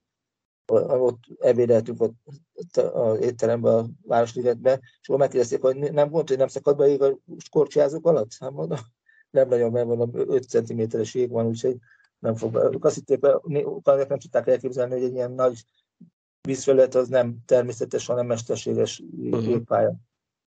Úgyhogy ez csak annyi, hogy azt gondolom, ez nagyon nagy költséges, és e- e- e- ezért ezen, ez egy döntés kérdése, hogy, hogy promózzuk a sportágat ennyi, ennyiért, vagy pedig, vagy pedig inkább mit nem költjük másra felszerelésre, vagy edzőképzésre, vagy egyéb dologra a pénzt. Zoli, most az új vegyedet látjuk. Jó. Már látjuk az arcodat. Hát Jó nagyjából, és hol tartunk? Ez, ez Inter, Interklasszik Városliget itt tartunk. A Városligeti műjégpálya is nagyon szeretné, hogyha lenne ilyen. A szurkolók szerint mi is szeretnénk, de azért elgondolkoztató, hogy vajon mennyi pénzt ér meg ez a történet. Egyébként nagyon érdekes, hogy megnézitek a németeknél, minden évben van Winter Classic, most is csinálnak egyet a német cseh határnál, hoz közel, és érdekes mondom, OB2-es mellett másodosztályú csapatoknak hívtak meg Csehországból, illetve Németországból, és ők játszák a Winter Classicot. Mm. Az népszerűsítés. Egyértelmű. Na jó, de kint lesz ott 50 ezer ember, gondolom. Hát igen. Hát igen, ami sőre elfogyott, az már komoly bevétel. Persze. Persze. Sokszor beszélgetünk, egy picit maradjunk a pénznél még, szóba került, mert többször a TAO. Az lenne a kérdésem, hogy hogyan működik Magyarországon ez a TAO rendszer, mert erről nagyon sokat beszélgetünk, de szerintem nagyon sokan nem is értik. Te tudsz ebben egy kicsit nekünk fényt mutatni, hogy hogy, hogy működik ez a TAO rendszer, és mitől jó ez a magyar jégkorongnak? Hát amikor TAO-t kitalálták 2010 körül, akkor létrehozta a szövetség is a, ennek a pályázási lehetőségéhez az adminisztrációt, tehát fölvettünk olyan kolléganőt, aki csak a TAUN pályázatokkal foglalkozott, értékelte, és egy év múlva, két év múlva a minisztérium lepasszolta az, el, az ellenőrzést, és azt is nekünk kell végezni, úgyhogy további kolléganőket kellett fölvenni, akik elvégezték ezt a még papírmunkát, a rengeteg számlának a könyvelését, láttamodását, ellenőrzését. De azt kell, hogy mondjam, hogy Magyarországon szerintem a sportág közül nálunk van a legkeményebb ellenőrzés. Ez egy kolléganőknek, aki a horvát Ilona, aki vezeti a TAO ellenőrzést, őtől vigyázbálnak az egyesületek, amikor megjelenik valahol, és valószínűleg egy respektje van, és ő nagyon szigorú és nagyon komolyan elszámoltatja a használt felszerelésekkel is akár a csapatokat. Úgyhogy azt gondolom, hogy ez a része helyén van. Persze mindig vannak ügyeskedők, és próbálnak ö, olyan pénzt kivenni, amit, amit nem megfelelően pályáztak meg, de azért ezeket, amire lehetséges, ez sikerül a, szerintem a ellenőrzési osztálynak visszaszorítani.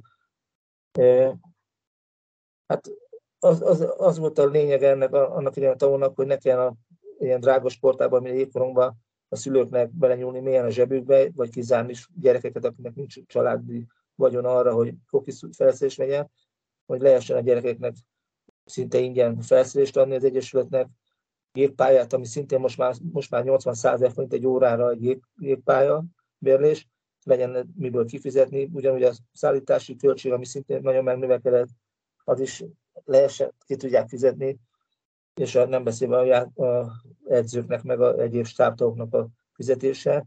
Azt gondolom, hogy most egy ilyen szempontból pénzügyileg az egy ideális helyzet van, de valóban nem mindenki a legjobban használja föl ezeket a pénzeket, mert azért akkor az eredmények is jobbak lennének, és talán nem lennének olyan eredmények, hogy 12 vagy 14-ben, 15-20-ból megvegy az egyik a másikat.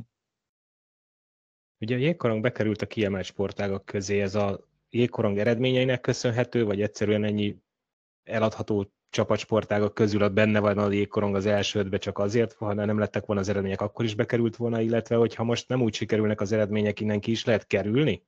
Ezt milyen időközönként vizsgálják felül, vagy ez hogy működik? Én azt hiszem, hogy ez leginkább a szaporói srácoknak köszönhető, tehát annak a 2002-es, amiről beszéltünk, Fehérvár Dunajovárosi VB, 2003-as Budapesti, 2005-ös, ez, ez, ez a 2002 és 10 közötti eredményességnek köszönhető volt, hogy bekerültünk a TAO-ba, és én úgy látom, hogy ki nem nagyon kerül senki a TAO-ból, hanem további sportágok kerültek még be, így például a röplabda, illetve a TAO-n kívül a voltam 15 sportág kap ilyen milliárd körüli, egy milliárd körüli támogatást a saját sportágának a versenyzésre, tehát a Kocsi Szövetség se maradt pénz nélkül, ők is kapnak egy komoly támogatást, vagy pedig a birkózás, vagy az ökölvívás is, a többi sportág is. Úgyhogy aznak talán egyszerűbb a elszámolása, meg az adminisztráció, mint ezek a pályáztatási dolgoknak, mert annyi papírt kell kidölteni, mert ez külön kép, képesítés kell, mert nem olyan, mint egy hagyományos könyvelési munka, hanem sokkal nehezebb, sokkal több. Hát nálunk dosszié hegyek vannak a irodában, meg a raktárban, úgyhogy, és ez csak az elmúlt 8-10 évnek a számlái, tehát ott van az összes csapatnak az elszámolása, ugye plusz a Jégkorong Szövetségé, a borzasztó terhet nyom a adminisztrációra ez a taus elszámolás. Mm. Azt jól tudjuk, hogy a, a Jégkorong Szövetségnek van egy ilyen ösztön, nem is tudom, hogy kell ezt mondani, ösztöndíj program. Igen, van igen. Egy az, egy... az is TAO-ból működik, és kérdés, TAO-ból működik-e? Vagy egyáltalán ez hogy működik? Hogy kell ezt elképzelni? Hát legközelebb bekapcsoljuk a TAOS kolléganőmet is akkor ebben a témában, mert nem, azt nem tudom, hogy a TAOS pénzből, én úgy tudom, hogy TAOS pénzből működik, de ha rosszul mondom, akkor elnézést. Én úgy tudom, hogy a TAOS pénzből működik. Ez első évben kb. 8-10 jelentkező volt a srácok közül erre a támogatásra. Most már kb. 45-50 jelentkező volt az elmúlt júniusban, akik jelentkeztek támogatásért, és ez azt jelenti, hogy kb. egy-másfél millió forintos támogatást tud a szövetség adni azoknak a hokisoknak, akik olyan ligákban mennek, ami a magyar ligától, uh-huh. magyar bajnokságtól jobb minőségű, ennek köszönhetően körülbelül legalább 30 vannak Skandináviában, Finnországban, Svédországban. Sok, most egy párat lehetett is látni itt a, a válogatott környékén és a válogatott programoknál, és akik hazajöttek. Úgyhogy valószínűleg ez egy jó cél, hogy segítsük a szülőknek, hiszen a szülők fizetik a nagyobb részt ezeknek a költ, ezzel felmerülő költségeket, és a szövetség hozzá tud tenni a saját forrásaiból egy másfél millió emberenként azért ez egy jó lehetőség. Ez egyszeri támogatás, vagy szezononként, illetve még azt kérdezném, hogy ugye halljuk, hogy Amerikában, hogyha nem sikerül ösztöndíjat kapni, akkor ilyen horror összeg egy-egy szezon, hogy abban semmilyen további segítséget nem tud a szövetség nyújtani, hogy ott tudjanak maradni a srácok, illetve idén került elő az a téma, hogy nagyon sok srác nem kapta meg a vízumot, hogy abban esetleg a szövetség tud-e segíteni, hogy azt abszolút saját maguknak kell intézni, hiszen ez egy ilyen hivatali dolog. Hát folyamatos folyamatos ez a támogatás, mondjuk egy bizonyos korhatárig, tehát igazából 20 év felett már nincs kifizetett támogatás, mert aki addig nem tudott megfelelő ligába jutni, az már nem is biztos, hogy fog sikerülni később is. Tehát igazából általában jellemzően szerintem két évig kapják ezt a pénzt, és utána már vagy a klub fogja az ő költségeket fizetni, vagy esetleg ők visszajönnek Magyarországra, hiszen mindenkinek nem, nem sikerült ez a program. És hát ha valaki kiesik ebbe az egyetemi hálóból, a szövetség csak ebben, ebben a keretben tud segíteni, ami, amit most szó volt, tehát egy-másfél millió forint, és akkor, hogyha ahonnan kiesett, akkor olyan ligába esett le, amelyik szintén még mindig magasabb, mint a magyar ligának a erőssége. Úgyhogy ez a támogatás az nagyjából így néz ki. Nem tudom, hogy volt ebben még valamilyen kérdés ebben a, víz, a vízumügybe, hogy, hogy a idén nagyon sokat hallottuk, hogy nem kaptak a srácok vízumot. Igen, sajnos valamiért ki, volt, ki lettünk pécézve magyarok, nem csak jégkorongozók, hanem talán más sportolók is, hogy olyan hosszú időpontra adtak ilyen interjúra időpontot, amikor már rég kellett volna lenni a játékosnak a csapatánál, vagy egyáltalán volt, hogy el is utasították a bizonyos mindenféle indoklás nélkül, meg eleve nyáron nem működött úgy a a nagykövetség vagy a konzulátus, hogy adjon ki vízumokat. Mi a külügyminisztériumnál is jártunk, próbáltunk a követségnél is elérni olyan embereket, akik korábban kapcsolat volt, de nem nagyon sikerült sem a külügyminisztériumnak, sem nekünk a saját kapcsolatokon keresztül túl, sok, túl sokat elérni, és sajnos valóban egy páran így kimaradtak az amerikai versenyzési lehetőségből. A még egy picit ezt, a, ezt az ösztöndíjat én egy kicsit feszegetném. Tandíjra, vagy kvázi a hétköznapi életre kapható ez a támogatás? Hát a, a szülőknek számlát kell behozni, hogy például repülő egy számlát, Aha. akkor van a szállásnak, étkezésnek, de ha van a klub kér pénzt azért, hogy Finországban elég komoly pénzt kérnek a utánpótlásnál a játékosoktól éves szinten, tehát ezekről kell a számlákat beszerezni, és ez, ez alapján tudják megkapni uh-huh. a, a számolásukat. Uh-huh. Az ember azt gondolná, hogy ez hogy milyen jó kikerülni Finnországba, és valóban jó lehet, csak ez nem, nem, nem egy olcsó mulatság valószínűleg. Hát igen, a 4 euró mondjuk egy hotdog, meg ti jobban tudjátok, hogy a sörára mennyire kedvezményes, úgyhogy... Vinni én kell. Azt, azt, én azt látottam, én azt láttam Tamperében, amikor kimondtam a világbajnokságon, hogy szerintem ott a, a hogy pozitív bevétel volt, az biztos, és szerintem magából csak a sörből megjött a pozitív bevétel, mert ezt méltán mennyiségű sört fogyasztottak az emberek. Hát ugye ezt beszéltük, és ezt azóta is egy, hát nem tudom, hogy ez valaha. Nem, én ezt szerintem ezt nem fogom tudni megbocsájtani a Magyar Jégkorong Szövetség bárkiének, mert ez szerintem el lett baszva. Ilyen nincs, hogy egy, egy átcsoportos VB-t. Ha mi négyen itt összeülünk, megrendezzük pozitívan, úgyhogy én nem tudom, hogy ezt hogy lehetett elbaszni, de tényleg menjünk bele, mert csak mérges leszek.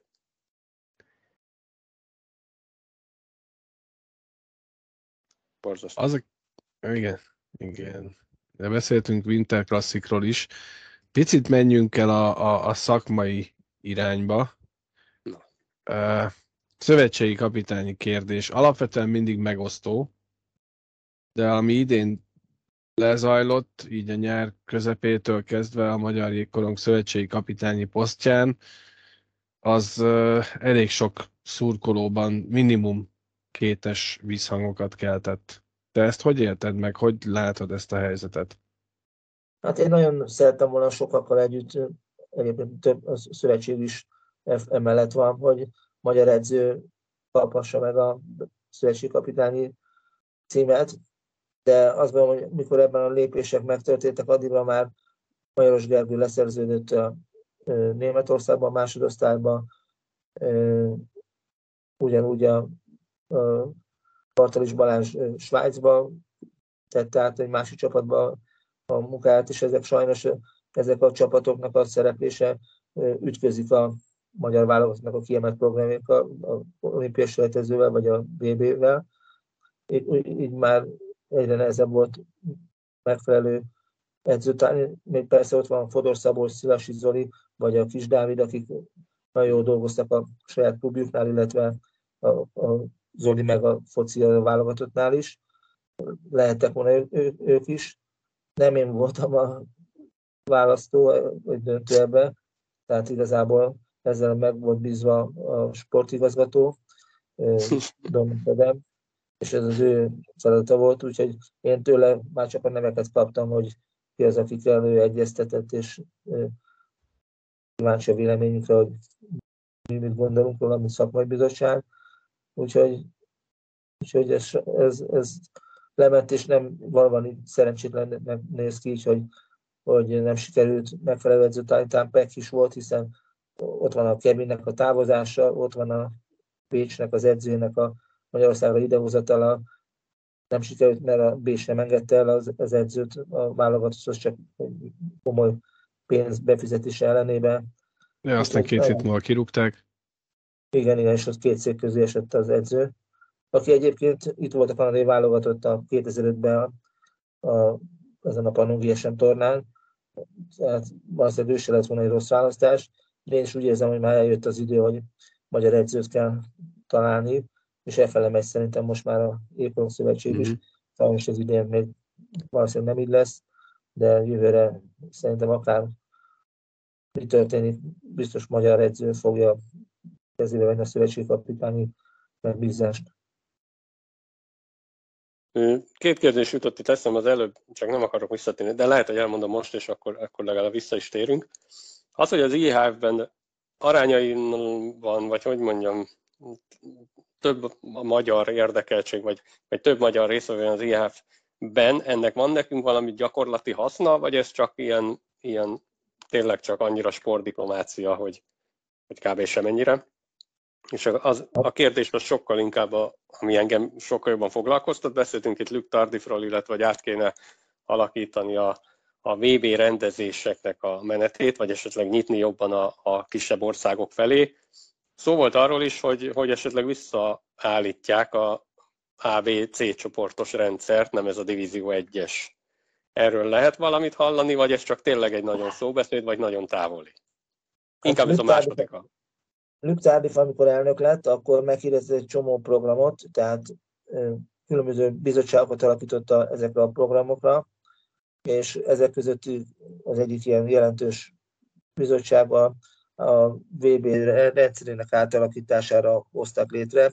6-8 meghívót, tehát minden, minden szintről, tehát Divízió 1-ből, Divízió 2-ből, átcsoportból, és ezen dolgozik most már legalább egy év a Nemzeti Szövetség, hogy olyat kialakítson, amit utána be tud terjeszteni a kongresszusra, és el is fogadják. Ez nagyon nehéz kérdés, mert mások az érdekek a kis országoknál, mások az érdekek a nagy országoknál, úgyhogy nem tudom, hogy valamilyen változás biztos, hogy lesz, hogy ez mennyire lesz nekünk jó, meg a, mennyire jó az egész rendszerben, azt ja, nem ismerjük még ezt a elfogadott, vagy elfogadásra ajánlott változatot, így nehéz erről most bármit mondani, de biztos lesz változás, nem jövőre, de egy-két éven belül, gondolom az olimpia után, téli olimpia után mm. szerintem biztos lesz erről egy döntés, egy határozat. Erről a VB rendezés átalakítása, meg szervezéséről eszembe jutott egy történet, amit így hallottunk, nem biztos, hogy igaz, hogy egyszer egy átcsoportos világbajnokságon alatt van az IHF kongresszus, akkor eldöntik, hogy melyik ország fog rendezni, és hogy leszállt egy helikopter, kiszállt belőle Putyin, bejött közölte, hogy ők szeretnének világbajnokságot rendezni, és akkor a többi kandidáló ország képviselője felállt, és mondta, hogy visszalépek, visszalépek, és így Oroszország rendezett. Nem tudom, hogy ez mennyire igaz. Ez pontosan így volt, ez... Pedig azt kezdtem mondani, hogy nem így volt akkor is jó sztori, de hát így még jobb. Ez egész pontosan Pozsonyban volt, a Hilton szállodába, a Double Tree Hiltonba, amelyik ott van a jégcsarnok mellett, ahol a szövetségnek van, a szlovák szövetségnek van a székhelye, és itt ment a kongresszus, az IAF kongresszus, és nekünk furcsa volt már reggel, hogy minek van fémkereső kapu beállítva a kongresszusi terem belépéséhez, mert idáig soha nem volt fémkereső kapu, mindig mindenki beléphetett. Aztán utána észrevettük, hogy a környező házat tetején ilyen mesterlövészek áld, áldogálnak, és aztán valóban ment a kongresszus, és egyszer csak kitárult a dupla ajtó, belépett a Putyin, oda rohant a pulpitushoz, először a Fázella az elnökkel üdvözölték egymást, utána oda ment a mikrofonhoz, és bejelentette, hogy szeretnék megrendezni a világbajnokságot. Erre fölállt a Dán elnök, aki szintén pályázott, hogy Dánia átadja a jogot az oroszoknak, fölállt az ukrán elnök, aki szintén pályázni akart, ő is átadta a jogokat, utána angolul megköszönte a Putyin egy ilyen együttműködés, a támogatást, és kiskurizott a teremből. Tehát kb. 10 perc alatt megnyerték a rendezést Szentpétervárról, vagy Moszkvában, már nem Így kellett volna nekünk is. Jó, de kit küldtél volna oda? Hát a volt sportminiszter kimehetett volna, na mindegy. Aj, ezek, ezek olyan, olyan szenzációsak. Én egy picit még visszatérnék erre, a, erre a IHF-ben mennyi magyar van különböző pozícióban, különböző bizottságokban, akár vezető pozícióban, gondolok itt akár Kolben helyes Zsuzsira, hogy nehogy véletlenül kihagyjak valakit, nem is kezdek bele a felsorolásba. Ez, ez tényleg egy sportdiplomáciai siker, hogy ennyi magyar részt vesz, vagy egyébként tájvani, meg mexikói is van ennyi, csak mi róluk nem tudunk. Hát azt gondolom, hogy a Zsuzsinak a ott léte az egy óriási siker. Az ráadásul, biztos. Ráadásul Zsuzsi azóta már följebb mászott ezen a létrán. Most már nem csak a női bizottságnak a vezetője, hanem ő a vezetője, a jogi bizottságnak, ő a vezetője a Historical Committee-nak, amelyik a Hall of Fame-et, jelöli, és azon kívül ő az executive committee, tehát a elnöknek a legfelsőbb körében lévő tanácsadók közé is oda tartozik, tehát azt mondom, rengeteg szerepet vállal, rengeteg dolgozik a Zsuzsi, és óriási a respektje is. A, szerintem mondtam neki, hogy nyugdíjas koráig nyugodtan biztos, hogy el, el lehet itt elnökségi tanként, mert olyan, olyan nagy a tisztelet iránta, hogy biztos, hogy az újraválasztása soha nem lesz kérdés. És, de ez mondom, hogy rengeteget dolgozik. Mm. És akit még meg lehet említeni, a, a, a, és azt gondolom, hogy bámulatos pályafutás fut ez a Gebei Peti, aki nem csak az IHF-nél van kiemelt programoknál benne, hanem, hanem most már ezik a rendezvényekre is bíró ellenőrként, illetve sikerült még egy oldalágat kiépíteni az nhl is, és azt gondolom, hogy ő, szerintem az ő karrierje is fantasztikus, ahogy, ahogy lépked előre, és már tényleg a legmagasabb szint körül jár, úgyhogy és nagyon respektálják az ő munkáját is.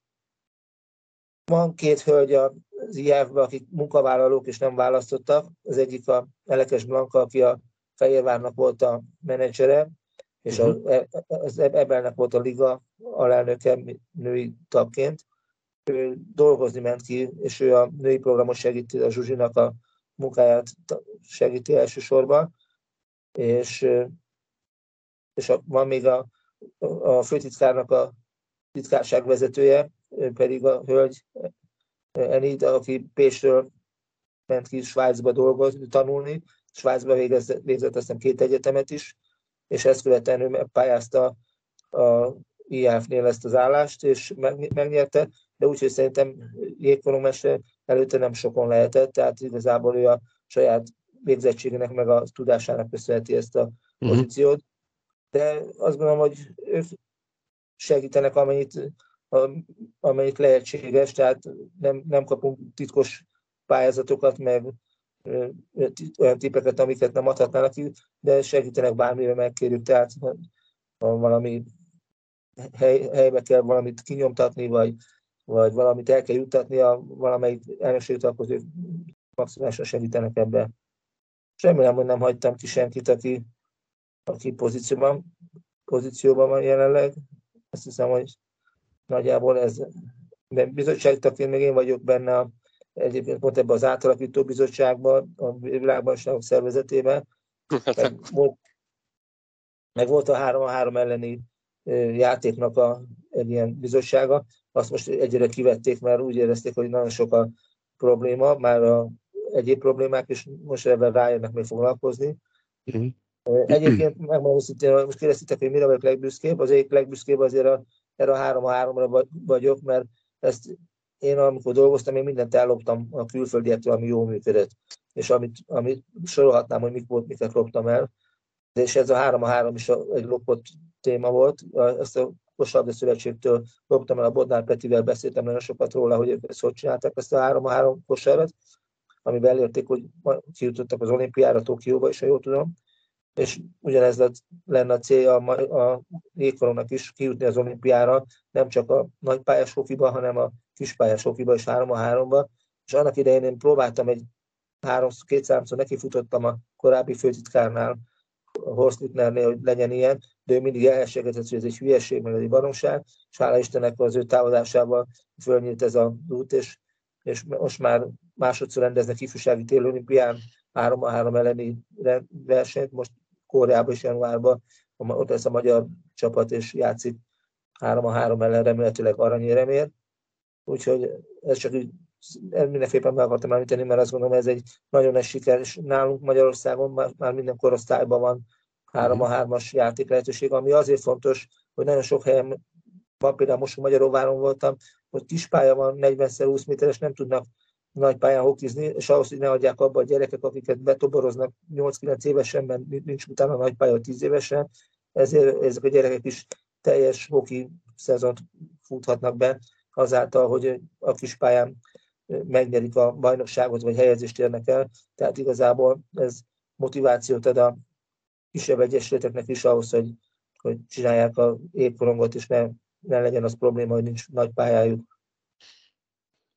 Közben az előbb eszembe így gondolkoztam, amikor a Kolbi Zsuzsinak így a, a pozícióit így is soroltat, hogy, hogy én még milyen, hogy hogy fog neki beleférni a Magyar Ékolog Szövetség elnöki posztja. Hát én nem tudok róla, ez, hogy... Ez csak egy, egy vicces kérdés volt, illetve mi szerettük volna erre pushingolni őt. Hát lehet, hogy pont azért azt gondolom, hogy ez a sok megbízás is arra készíti őt, hogy azt vállalja csak, amit bír. Azért azt gondolom, hogy egy Magyar Régkorong Szövetség elnökének sokkal nehezebb feladata van, mint, a, mint a, azt gondolom a, a Zsuzsinak, remélem nem sértem meg a Zsuzsit, mert itt azért annyi belső ellenérdek, vagy vita, meg harc, meg lobby, meg mit tudom mi van, amit, amit nagyon nehéz minden nap irányítani, meg szabályozni, és azt gondolom, ez a Zsuzsinak se hiszem, hogy hiányzik egy ilyen, ilyen problémák. De kéne egy olyan karizmatikus személy, aki rendet tesz, mert úgy hiszem, hogy lenne mit. Hát azt gondolom, hogy a közgyűlésen ott van az összes egyesület, ráadásul a nagy egyesületek kiemelt szavazatszáma. Ez az ő dolguk, hogy a jelölő bizottságnak adjanak olyan neveket, akikre úgy gondolják, hogy megfelelően tudják a szövetségnek a munkát végezni, és, és akkor meg kell szavazni, hogyha, hogyha lesz olyan név, amit, akiket támogatnak. Zoli, én még azt kérdezném meg tőled, hogy az a rengeteg kapcsolat, tudás, kapcsolatrendszer, amit kiépítettél, ismerettség, azt majd sok-sok év múlva át tudod valakinek adni? Van valaki olyan személy a közeledben, vagy aki már most megy veled, mert látjuk, hogy mindenhol ott vagy, tehát valami időgépet biztos van. Legutóbb most Szélig Viktoron lepődtem meg, ugye őt is beiktatták a Magyar Hall of Fame-be a, a sárközi tornán, és a Facebookon láttam posztot, hogy Dunajvárosban az emlék az 50 éves évfordulós meccsen is megjelent, és így mondom, lehet, hogy ő kapja a kulcsot tőled az időgéphez. Szóval, hogy van valaki, aki át fogja venni a helyedet, vagy, vagy aki rá, rá tudod majd ruházni ezt a, ezt a sok dolgot? Hát én azt gondolom, hogy mindenféleképpen jó lenne, hogyha amikor ilyen kongresszus van, vagy bármilyen program van, akkor legyünk ott. Én mindig rajta vagyok azon, hogy ez a, a network az működjön, Sajnos a network az egy sok pénzbe kerülő dolog, mert el kell valahova utazni, ott részvételi díjt kell fizetni, és szállást, étkezést kell fizetni, de azt mondom, hogy ezek megtérülnek abból a kapcsolatból, ami kialakul egy-egy ilyen szemináriumon, vagy gyűlésen, vagy egyéb rendezvényen. Tehát én igazából tényleg azért megyek el, sokszor szokták nekem mondani, hogy nem is a meccset nézem, hanem valakivel mondjuk beszélgetek, mert engem az a része jobban érdekel, hogy, hogy hogyan lehet a sportágnak több támogatót találni, több lehetőséget megtudni, meghallani, és, és, és ehhez viszont rengeteget kell utazni, hogy akár belföldön, akár külföldön, és, és valóban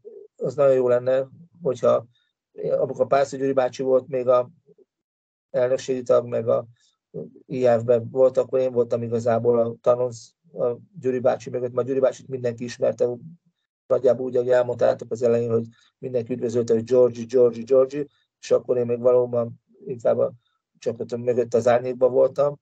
Aztán utána később, a, hogy a Gyuri bácsi öregedett, és már kikerült azokból a testületekből, ahol ő vezető volt, egyre inkább rám tevődött az a kapcsolatrendszer, ami, ami a Gyurinak is megvolt.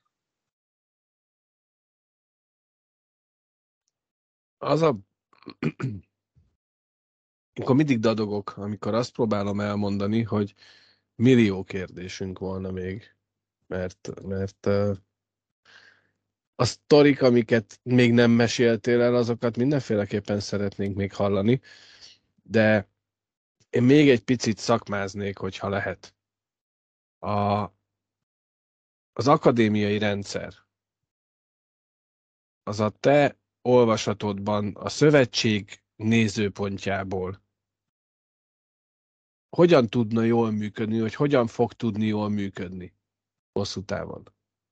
Szerintem ez az akadémiai rendszer a legígéretesebb programja most a elmúlt tíz évnek legalább, de lesz a 20 évnek is a hírkoromban.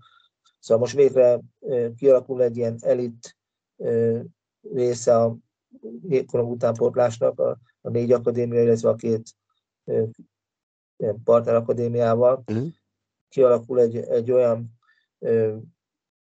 versenyrendszer, egy, egy, egy edzésrendszer, amivel valószínűleg ezek a klubok, ez szomorú mondjuk a kisebb klubok számára, el fognak lépni mellőlük, és lesz egy ilyen elit csoport, akik remélhetőleg sokkal intenzívebb, sokkal keményebb munkát végeznek, és sokkal eredményesebbek lesznek, és, és valószínűleg annak rémén is, hogy a, a kisebb klubokból, akik alattuk vannak, azokból a tehetségeknek az útja ide vezet az akadémiába, és majd a, lehet, hogy innen az akadémiából majd vezet majd tovább Svédországba, Finnországba, Csehországba, USA-ba. Tehát most volt hétfőn egy nagyon-nagyon jó egésznapos értekezlet, közel 130 edző volt itt, és nagyon jó előadások voltak, ilyen kerekasztal beszélgetések, és nagyon sok jó ötlet volt, nagyon jó volt látni, hogy az edzők milyen felelősséggel gondolkodnak a magyar égkorongról, és nagyon jó ötleteket mondtak el, és, és egész komoly konszenzus volt sok mindenben, amiben akár a bajnokságok átalakítása, akár a különböző versenyrendszerek kialakítása legyen. Úgyhogy én nagyon bízom benne, hogy ez tovább erősödik, ez az akadémiai együttműködés a nagy, nagy csapatok között, nagy akadémiák között, illetve a a többi egyesület között is, és azt látni kell, hogy nem bír a, nem lehet sehol sem, mit tudom én, tizen, tizenvalány korosztályba ö, tolni a csapatokat, meg kell határozni a kiemelést, és azokat kell elsősorban versenyeztetni, akik, akik kiválasztottak, a többieknek meg, megadni a lehetőséget, hogy ők is versenyeznek, de valószínűleg nem olyan intenzitással, hiszen lehet, hogy a pályájuk csak kevesebb ideig van nyitva, nincs olyan létszámuk, nincs olyan játéktudásuk az edzőknek, illetve a gyerekeknek, úgyhogy ezt, ezt tudomásuk kell venni, a, és ez valószínűleg így van a többi kézilabda, kosabda sportágban mm. is. De szakmailag van egy központi iránymutatás? Vagy a klubok, vagy az akadémiák önmaguk dönthetik el, hogy most előszeretettel szoktuk ezeket mondani, hogy orosz iskola, meg svéd, skandináv iskola, meg kanadai, tehát hogy milyen vonalon gondolkodnak? Van egy központi, vagy bárki eldöntheti maga? Nem, hát ezt alapvetően az akadémiák döntik el, hogy mit tudom én, a Fehérvár svéd mentoredzőt választott, a máshol meg finnek vannak, mondjuk az Újpestnél például, tehát gondolom, ezt ők döntik el, milyen szakembert találnak, de e, egyik sem rossz, és, és másik az, hogy azért azt még szerintem senki meg, meg nem tudná mondani, hogy a magyar jégkoromnak melyik az a rendszer, ami a leginkább hat. Lehet, hogy nincs is olyan külön rendszer, hogy svéd rendszer, vagy finn rendszer, hanem lehet, hogy a magyar rendszer, valami magyar rendszer, csak lehet, hogy nem talált, találtunk rá arra. De én, én azt látom, hogy, hogy a külföldiek sem sokat többet tudnak a dologhoz hozzátenni. Nekünk magyar, edz, magyar edzőknek kell fejlődni és, és tanulni, és, és rengeteget dolgozni, és akkor ez a dolog ez sikeres lesz. Én, én, én nagyon bizakodó vagyok benne, mert látom a, a generáció változást, most már nem, nem az Oskai Gábor, meg nem a Kercsó Árpád, nem a Kovács Zoltán, meg nem a Kovács Csaba ül ott és mondja meg, hogy mer, merre menjen az egész, hanem vannak új fiatalok, mint a Kovács Attila az Újpestnél, vagy a Fett István Székesfehérváron, és, és itt sorolhatnám például Májer Péter Miskolcon például. Tehát ezek nagyon ígéretes, tehetséges, felkészült, és mondhatnám, hogy tapasztalt vezetők és emberek, mentoredzők és sportigazgatók. Én azt gondolom, hogy ők hordozzák a jövő sikerének az állogát és hál' Istennek nagyon jól össze van fogva ez az egész munka. Ebben nagy szerepe van ennek a Nemzeti Akadémiának, amit a Nagy Attila irányítő uh-huh. szervezte meg ezt a mostani prezentációt is, és nagyon, nagyon érdekes és tanulságos ott mindenkinek. Én már alig várom, hogy Debrecen, vagy decemberben a következő megint ott lehessek, mert nekem is nagyon hasznos volt, meg nagyon jó volt látni, hogy ilyen pozitív és ennyire előre gondolkodó emberekkel ültem egy terembe akkor úgy gondolod, hogy ebben az akadémiával megugorhatjuk azt hogy ugye most nagyon sok légiósunk, vagy viszonylag sok légiósunk van külföldön, elitligákban, de még mindig nincs meghatározó játékosunk, tehát azokban a csapatokban nem tudnak meghatározó vagy sztárjátékosok lenni, hogy, hogy, hogy ebben megugorhatjuk ezt a lépcsőt, vagy esetleg a nagy álmunkat, hogy legyen egy magyar NHL játékosunk? Hát azt mondom, hogy szerintem alapvetően mindig olyan sorsjét húztunk ki, ami nem nyert, nem nyert, nem nyert volt, de azt gondolom, hogy most nagyon sok sorsjegyünk van már, és elkezdjük tovább is húzogatni a sorsjegyeket, biztos, hogy lesz benne, ami, ami nyerő sorsjegy lesz, mert azt gondolom, a nagy számok törvény alapján ki kell, hogy jöjjenek, itt is születhetnek olyan sztárok, mint, a, mint Kanadában, vagy Svédországban, vagy Finnországban. Tény, hogy ott valószínűleg azért jobban foglalkoznak velük az alapok lerakásánál esetleg, vagy később nem beszélve a versenyrendszerek, a versenyzésnél, de a tehetség az szerintem itt sem kevesebb Magyarországon sem, mint a más országokban. Úgyhogy én nagyon bízok benne, hogy a nagy számok törvény alapján itt fogunk látni majd NHL játékost is, és, és fogunk látni nagyon jó válogatott hokisokat. Ilyenkor mindig egy picit ilyen, ilyen látjuk az alagút végén a fényt. Mi mindig pessimistábbak vagyunk, mert, mert az utóbbi tíz évben úgy érezzük, hogy, hogy stagnál, vagy inkább lefele tendál így a, a színvonal, de nem baj, legyünk mi szurkolók ilyen kicsit, picit pessimistábbak, aztán majd érje minket meglepetés, én azt kívánom. Uh, szerintem, szerintem nem is lehet ezt így megfogalmazni, de megpróbálom. A te karriereddel a hátad mögött, mit üzennél most így a fantasztikusan hatalmas nagy nézőink, nézőtáborunknak, hallgatótáborunknak, illetőleg a magyar jégkorongnak a jövőt illetően? Most hallottunk egy pár mondatot arról, hogy lesz itt még NHL játékos, de mit üzennél nekünk szurkolóknak, a fiatal vagy éppen már aktív felnőtt játékosoknak, edzőknek, klubtulajdonosoknak?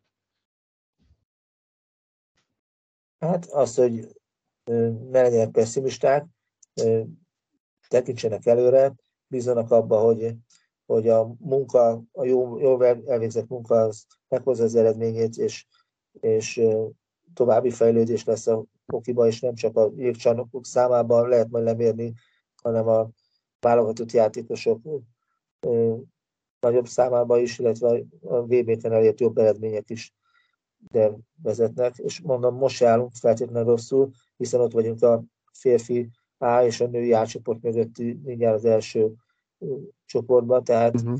azt mondja, hogy ugrásra vagyunk a, a, a világélvonalától, és bizakodjunk abba, és bízunk abba, hogy lesz, lesz átcsoportos VB Magyarországon, bízunk abba, hogy lesz olimpiai szereplő magyar válogatott is, akár a nőknél, akár a férfiaknál, ha bár azt gondolom, inkább a nőknek van erre komolyabb esélyük.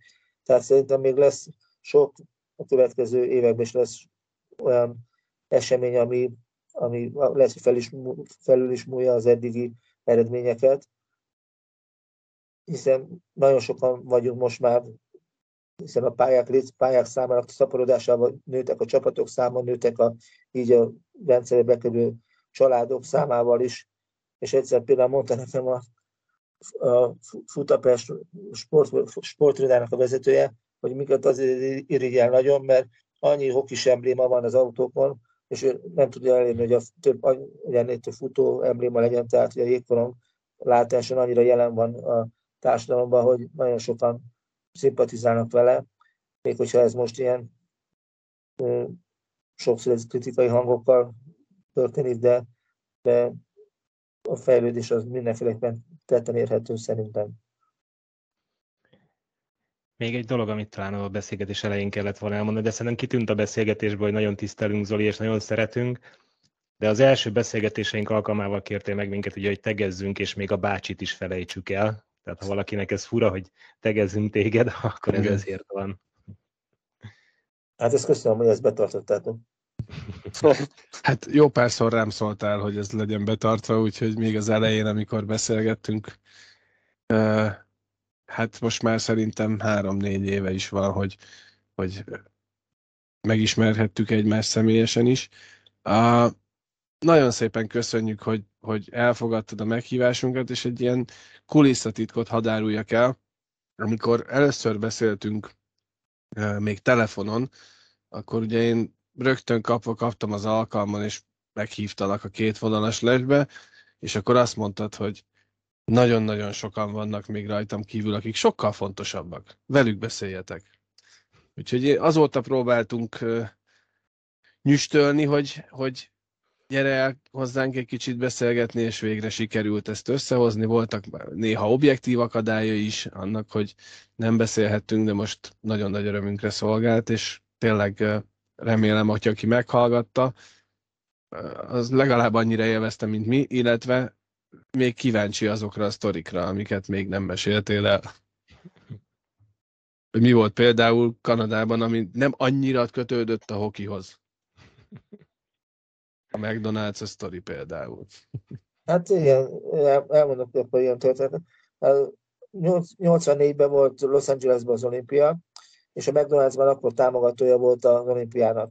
És én 700 dollárra mentem ki 40 napra az USA-ba, és első, első nap rájöttem, hogy egy kicsit kevés pénzzel kalkuláltam, mert 15, euró, 15 dollár volt a 42. utcában egyébként az ifjúsági szálló, és kiszámoltam, hogy akkor ha 15 dollár, nekem meg van 700 dollárom, akkor én nem tudom a 40 napot kitölteni, és akkor mentem a légitársasághoz, hogy akkor én előbb jönnék vissza 20 nappal, mondták, oké, okay, csak fizessek x 100 dollárt, mondom, hát csak azt nem És akkor kitaláltam azt, hogy végiglátogatom azokat, akikkel én angolul leveleztem, mind ilyen fiatal tinédzser, hogy főleg hokisok voltak, ezek már hokis szurkolók, ezeket én végiglátogattam, és mindenkinél eltöltök egy pár napot, és akkor így lassan a 40 nap le, le, le, le, lepereg.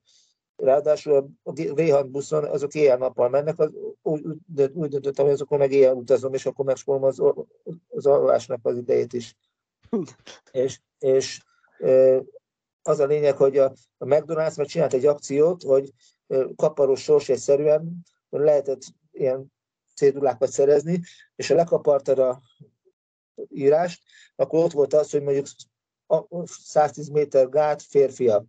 És hogyha a 110 méter gát férfiakban aranyérmes volt az amerikai, akkor kapta egy Big Mac menüt, hogyha ezüstérmes, akkor egy kóla sült krumpli, és hogyha bronzérem, akkor csak egy kóla.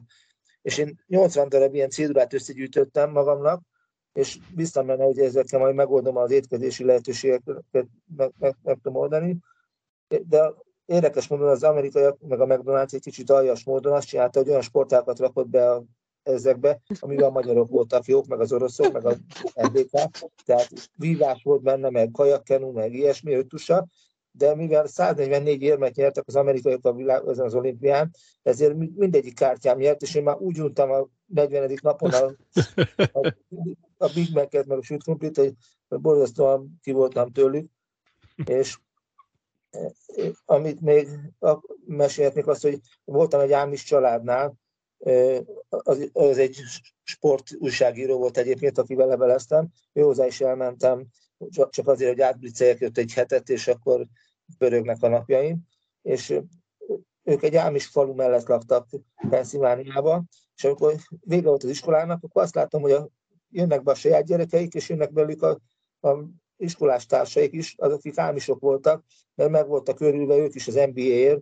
de hát nekik nem lehetett nézni otthon tévét, mert nem, nem használtak televíziót, mm. hanem, hanem csak az a szigorú megkötés volt, és örömmel jöttek a szomszéd gyerekhez, hogy meg, meg lehet nézni az NHL-t, de bocsánat, az NBA-t, és a, vagy, vagy mondok egy olyan történetet, hogy voltunk Szlovákiában edzőtáborban Fradival, és a, e, Péter Stászin, ahogy meséltem, akkor jutott 85-ben jutott be először, vagy 80 éve jutott be először a kanadai válogatottba egész Szlovákiában nemzeti hős volt akkor már a Péter Stászin, annak ellenére, diszidált, és mindenki akarta látni a Péter Stászint, hogy olyan játszik kanadai válogatottba.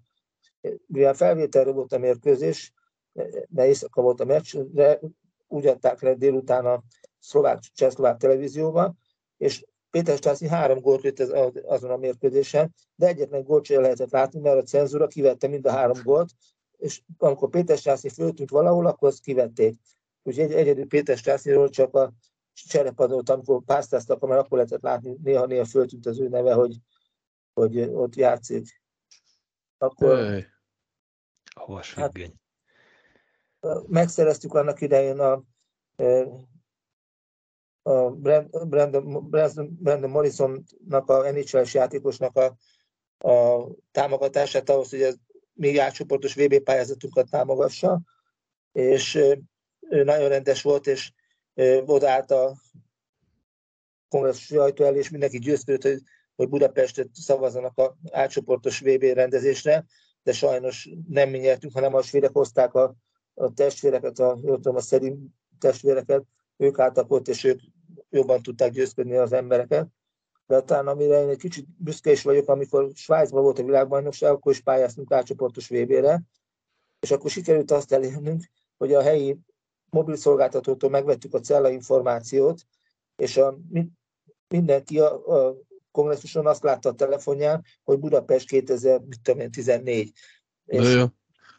és mi csináltunk egy kabala állatot, úgy hívtuk el, hogy hoki, a két kával az volt a neve, az egy ló volt uh-huh. egyébként, és, a, és a, volt a kongresszus, amellett volt egy laptanya, és a laptanyában voltak lovak. És megdumáltuk az egyik emberrel ott, hogy ráadtunk egy válogatott meszt, és a lóval pedig oda kellett állni a kongresszusi főbejárat elé, magyar vállalatot mezbe, és hirdetnie, hogy a magyarok pályázzák a rácsoportos világbajnokságot, de sajnos ott meg a beloruszok futottak elénk, pedig meg az Infront is mondta, hogy, hogy biztos, hogy mi, mi fogunk nyerni, mert senki nem fog a beloruszokra szavazni. Hát nem így történt, a beloruszokra legalább 15 több szavazat érkezett, mint ránk. Egyébként meg, megérdemelték, mert nagyon, nagyon jó prezentációt csináltak, mert tényleg a feltételek is ott beloruszoknál nagyon jók voltak akkoriban. Úgyhogy hát biztos volna még történet, de most... De ez a, ez a lelkesedés, ez a kreativitás, ezt, ezt érzem. Ez, ennek a hiányát fogalmaztatta meg úgy, hogy sokkal uh, megfontoltabban dönt most a szövetség, mint annak idején. Ti, ti kreatívak voltatok, bátrak, és, és nekem egy picit hiányzik ez. Ez a hát kis vagányság. volt ugye, hogy elmesélted, de, de mindig jól sült el valahogy. Hát igen, igen, azt gondolom, hogy tényleg a, nagyon jó kapcsolatunk van hát egy, egy tretyákkal például nagyon jó, nagyon jó a kapcsolat,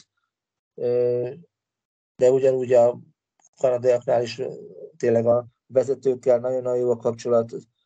Mondhatnék olyat, hogy amikor nekünk megszületett, az első gyerekünk, akkor 96-ban, akkor a svéd vagy a kanadai sportigazgató küldött kanadai hokis pelenkát, meg ilyen rugdalózott a gyerekünknek. Tehát nagyon-nagyon jó volt a kapcsolat, és ez, azt gondolom, ez a Nemzeti Jégkorong Szövetségnek ez az előnye, hogy borzasztó jó barátok a legtöbben egymással, mert nagyon rég, sokszor találkoznak és ismerik egymást, és ez egy, ez egy baráti közösség, szemben én úgy gondolom, hogy a FIFA meg UEFA meg akkora szervezet, uh-huh. hogy egyszerűen nincs meg egymás még névről se, és itt a Okinál viszont nagyon sokszor van az tényleg, hogy vendégül látják a másikat, üdvözlik, köszöntik, figyelnek rá. Mondok egy jó történetet, ami most így eszembe jutott. 98-ban a C csoportos VB, Dunajvárosban is volt egy meccs, és ott azt hiszem talán a horvátokkal játszottunk, vagy nem tudom, szerbekkel, nem tudom, hogy kivel játszottunk, de az a lényeg, hogy, hogy itt volt egy olyan ember Svédországban, úgy hívják, hogy Birger Normár, akinek az volt a dilie, hogy az összes válogatottnak, vagy minden országnak megtanulta a játékosének a nevét, de nem a nagy országokét, hanem a kis országoknak a játékosének a nevét. És kívülről tudta a statisztikákat, hogy kikkel játszottak együtt, és a többi. Egyébként ő egy ilyen könyvelő volt a Svédországban. És ő mondja, hogy ő le akar menni Dunajvárosba megnézni a meccset, hogy tud lemenni Dunajvárosba. Hát mondom, a magyar válogatott megy Dunajvárosba, fölütetlek a buszra, és akkor elmész a magyar válogatottal és akkor felszállunk a buszra, már fennült mindenki a buszon, a Hudák úr volt az elnök, ő az első ülésen, és leült a Hudák úr mellé, és kezet fogott bemutatni, hogy Birger Normál, és a és a mondta, hogy Hudák János, és erre megszólalt a Birger Normál, á, Hudák Szajlai Kis Tibor.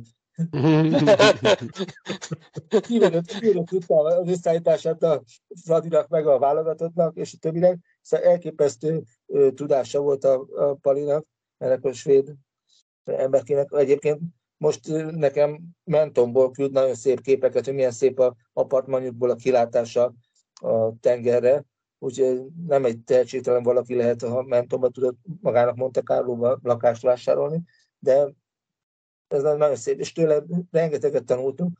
Az még egy érdekes dolog, hogy ezt elmondom nektek, én nem értettem akkor, én egy hülyének tartottam ezt a svéd palit is, hogy mi a francnak foglalkozik a történelemmel. Mert szerint mert azt mondtam, hogy hogy ez, marha unalmas ilyen anyarékron történelme, és, és ahogy vele így elkezdtünk közelebbi kapcsolatba kerülni, én is ilyen elmebeteg lettem, és én is elkezdtem gyűjteni mindenféle régi információt, meg híreket, meg képeket a magyar hokiról. És volt egyszer, amikor 90 éves, vagy 95 éves, 90 éves volt a Jégkorong Szövetség, akkor volt egy olyan meccs, hogy biztos emlékeztek, hogy a finnek itt voltak az öreg fiúkkal, és játszottunk, játszottunk ilyen bemutató meccset az arénában, ez 5-6 éve lehetett. És e, akkor én kitaláltam, hogy a, meg volt az első magyar válogatottnak a képe 1926-ból vagy 27-ből, Bécsbe játszottak Európa bajnokságot, és abban a csapatban játszott a Betlen miniszterelnöknek a, a, a fia is egyébként. És mondtam a többi kollégának, hogy próbáljuk azt kitűzni, hogy megkeresjük ezeknek a 10-11 embernek a leszármazottait.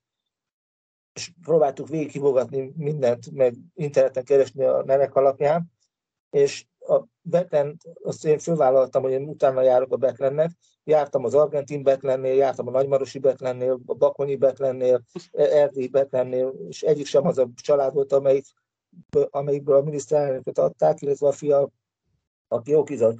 És, és egyszer az egyik Betlen mondta, hogy próbálja meg Olaszországba a Betlen, mert valószínűleg az az a Betlen család, aki itt a miniszterelnököt adta. És valóban a Stefano Betlen, a volt a, unoká, a dédunokája a miniszterelnöknek, és elhívtuk a Stefano Betlent a feleségével együtt erre a mérkőzésre. Életében nem volt még hoki meccsen, sajnos magyarul sem, magyarul sem tudott, csak viszont hihetetlen volt a történelmi tudása, mert az tudta, hogy az ő családja hova tartozik, hol van, és a többi, amikor mentünk autóval a Karai téri piac mellett, és elmentünk a Betlen utca mellett, vagy Betlen tér mellett, azt mondtam neki, na, Betlen, itt van a rokonod. Szóval nem, nem, ez egy másik család, ez nem az a család. És ő kívülről tudta, hogy hogy, hogy vannak. és, az nagyon, és akkor csináltuk egy nagyon szép összévetet, mert megtaláltuk mindenkinek a, a leszármazottját, tehát például a, a, azt hiszem az Kristóf, aki a, foglalkozik itt a kormányban a, a vallási résszel, és az ő testvére is például egy ilyen leszármazott volt az egyik, egyik játékosnak, de ez már nagyon nagy elégedettséget adott nekem, hogy sikerült mindenkinek megtalálni nagyjából a, a, a dédunokáját, vagy az unokáját. Fantasztikus. Fantasztikus. De Zoli, nagyon az... Igen? Egy dolgot hadd mondjak, ez, hogy... Ami Ezret is mondhatsz. Jó, de nem akarok fászlni mert elég késő van. De, hogy van egy Csíkszentimre nevű település, ezt biztos néhányan láttátok már így a másnap a posztjaimból. Ez egy 2500-as falu, és itt van egy ember, úgy hogy Jakab Károly, aki kitalálta, hogy csinál egy égpályát a falusi gyerekeknek. Megvette a stadionból a régi rossz palánkot, azt felállította ott a saját telkén, Csíkszentimrén, csináltak a polgármester hivatal együttműködve kandellábereket, és és az a baja, hogy egy ilyen vizes területre csinálták a pályát, ezért nyáron két méter magas nád nő ezen a pályán, és a nádat ezt ki kell vágni ahhoz, hogy egyáltalán meg tudja locsolni, utána tudják fogyasztani.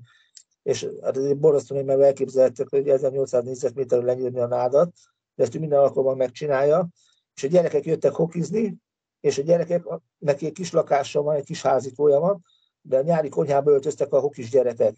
És amikor vége volt az edzésnek, akkor a gyerekek mindenki kapott egy kürtös kalácsot, meg egy teát az edzés után. Most ez azért nagy dolog, mert én szoktam járni egy héten kétszer reggel a kollégákkal jégkorongozni, de a hokis cuccot én nem tarthatom még a lakásban sem, mert a feleségem világán zavarna, hogyha itt lenne az a büdös izzadságtól büdös cucc. Mm-hmm. Ezért de azt gondolom, nála ez nagyon nagy eredmény, hogy a felesége nem, hogy a cuccot megengedi, hanem még külön teát, meg, meg kötös kalácsot is csinál neki. Tehát ez nekem, ez nekem nagyon tetszett, és sajnos az a baj, hogy én próbálok nekik támogatást szerezni, de nagyon nem tudnak előrébb lépni a, ahhoz, hogy legyen egy mobil pályájuk, pedig nagyon lelkesek, és mm. nagyon szép környezetet adnak. Ja, még egy utolsót hadd mondjak, jó? Hogy Bármennyi. De, nem, de ez nagyon jó pofa, hogy van a Minden Margó kupa, hallottatok róla? Nem. nem minden Margó kupáról? Minden Margó kupa, az, az az uglói piranyák és a Balassi bástyák találták ki, és az, azért minden Margó kupa, mert az, amikor egy-egyes meccs volt, akkor a minden passzolta a Margónak a korongot, és ő lőtte a gólt a kanadaiaknak, és ezért minden Margó kupát csinálta ez a két csapat. És, és volt egy bajnokságuk is, és a bajnokságban játszott a Hugyagi kijöntés, a Városi Almati Bástyák és az Uglói Piranyák. És a Hugyagi kijöntés az azért volt ilyen furcsa nevű társaság, mert Hugyag az egy falu Nógrád megyében, mm-hmm. Ahol a Ipoly folyik el éppen, és az Ipoly, amikor kijönt nyáron, és nem tud visszahúzani térre, akkor az a kijöntés az, az ott megfagy. És a polgármester épített ki egy járdát, meg egy világítást ide a kiöntéshez, és ott játszott a kiöntés a mérkőzéseit. Mm. Egyébként itt létrejött a NHL is azon a vidéken, ma már a Losonci csapattal együtt, a Hugyag meg a Balassugyarmak létrehozta a Nógrádi Hoki Ligát, és az volt az.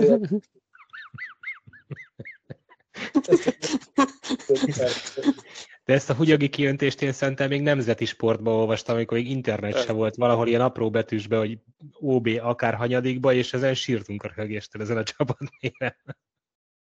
Hát az irigy annyira jutott eszünkbe, hogy kb. hasonló színvonalú név, persze. Igen. Hát és a Hugyag játszott Újpesten a valamelyik csapat ellen, és jöttek a szurkolók, és ilyen robur buszra jöttek, de mire megérkeztek, már mindenki talajrészek volt, úgyhogy komoly, komoly biztonsági problémák voltak ott a, a szurkolóknak, mert hülyére itták magukat. Hát de ahogy mondani szokás, a mi sportunk fesztivál. És mi csak jól érezzük magunkat, nem bántunk senkit. Én szeretném megköszönni a ti munkátokat, nem, a, tehát nem csak a mai interjút, hanem azt, hogy próbáltok így a jégkorongon segíteni. Azt gondolom, ezzel, hogy párszor vitatkoztunk, hogy a, ennek a hangneme, vagy a éle, vagy a élce az mennyire jogos, vagy mennyire nem jogos. Én azt gondolom, hogy szerintem mindenki igyekszik megfelelni a feltételeknek a mi oldalunkon és a jégkorong oldalán, és ti pedig a kommunikációs média oldalról, hogy ez megfelelő legyen, mert az közös érdek, hogy, hogy a jégkorongot minél többen szeressék, és, és, és, és az, hogy az jégkorong nyújtsa is azt, amit a emberek azért a szeretetért várnak, hogy, hogy örömet okozom mindegy nektek. Úgyhogy 13 éves korodban voltál először jégkorong meccs, és a mai napig este 9-től 11-ig hallgatsz hülye jégkorong történeteket, azért ez minden, mindenféleképpen tiszteletre méltó tőletek. Örömmel tesszük, bármikor. Igen. Igen. Nagyon szépen Igen. köszönjük ezt a beszélgetést. Kovács Zoltánnal beszélgettünk a mai két vonalas lesben, és hát nagyon jó egészséget kívánunk, kitartást a, a munkához, és átcsoportos VB rendezést. Nem tudom, mit kívánhatnék még.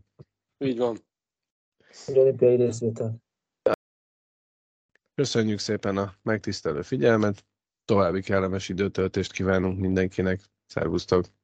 Köszönjük! Köszönöm szépen, sziasztok! Sziasztok!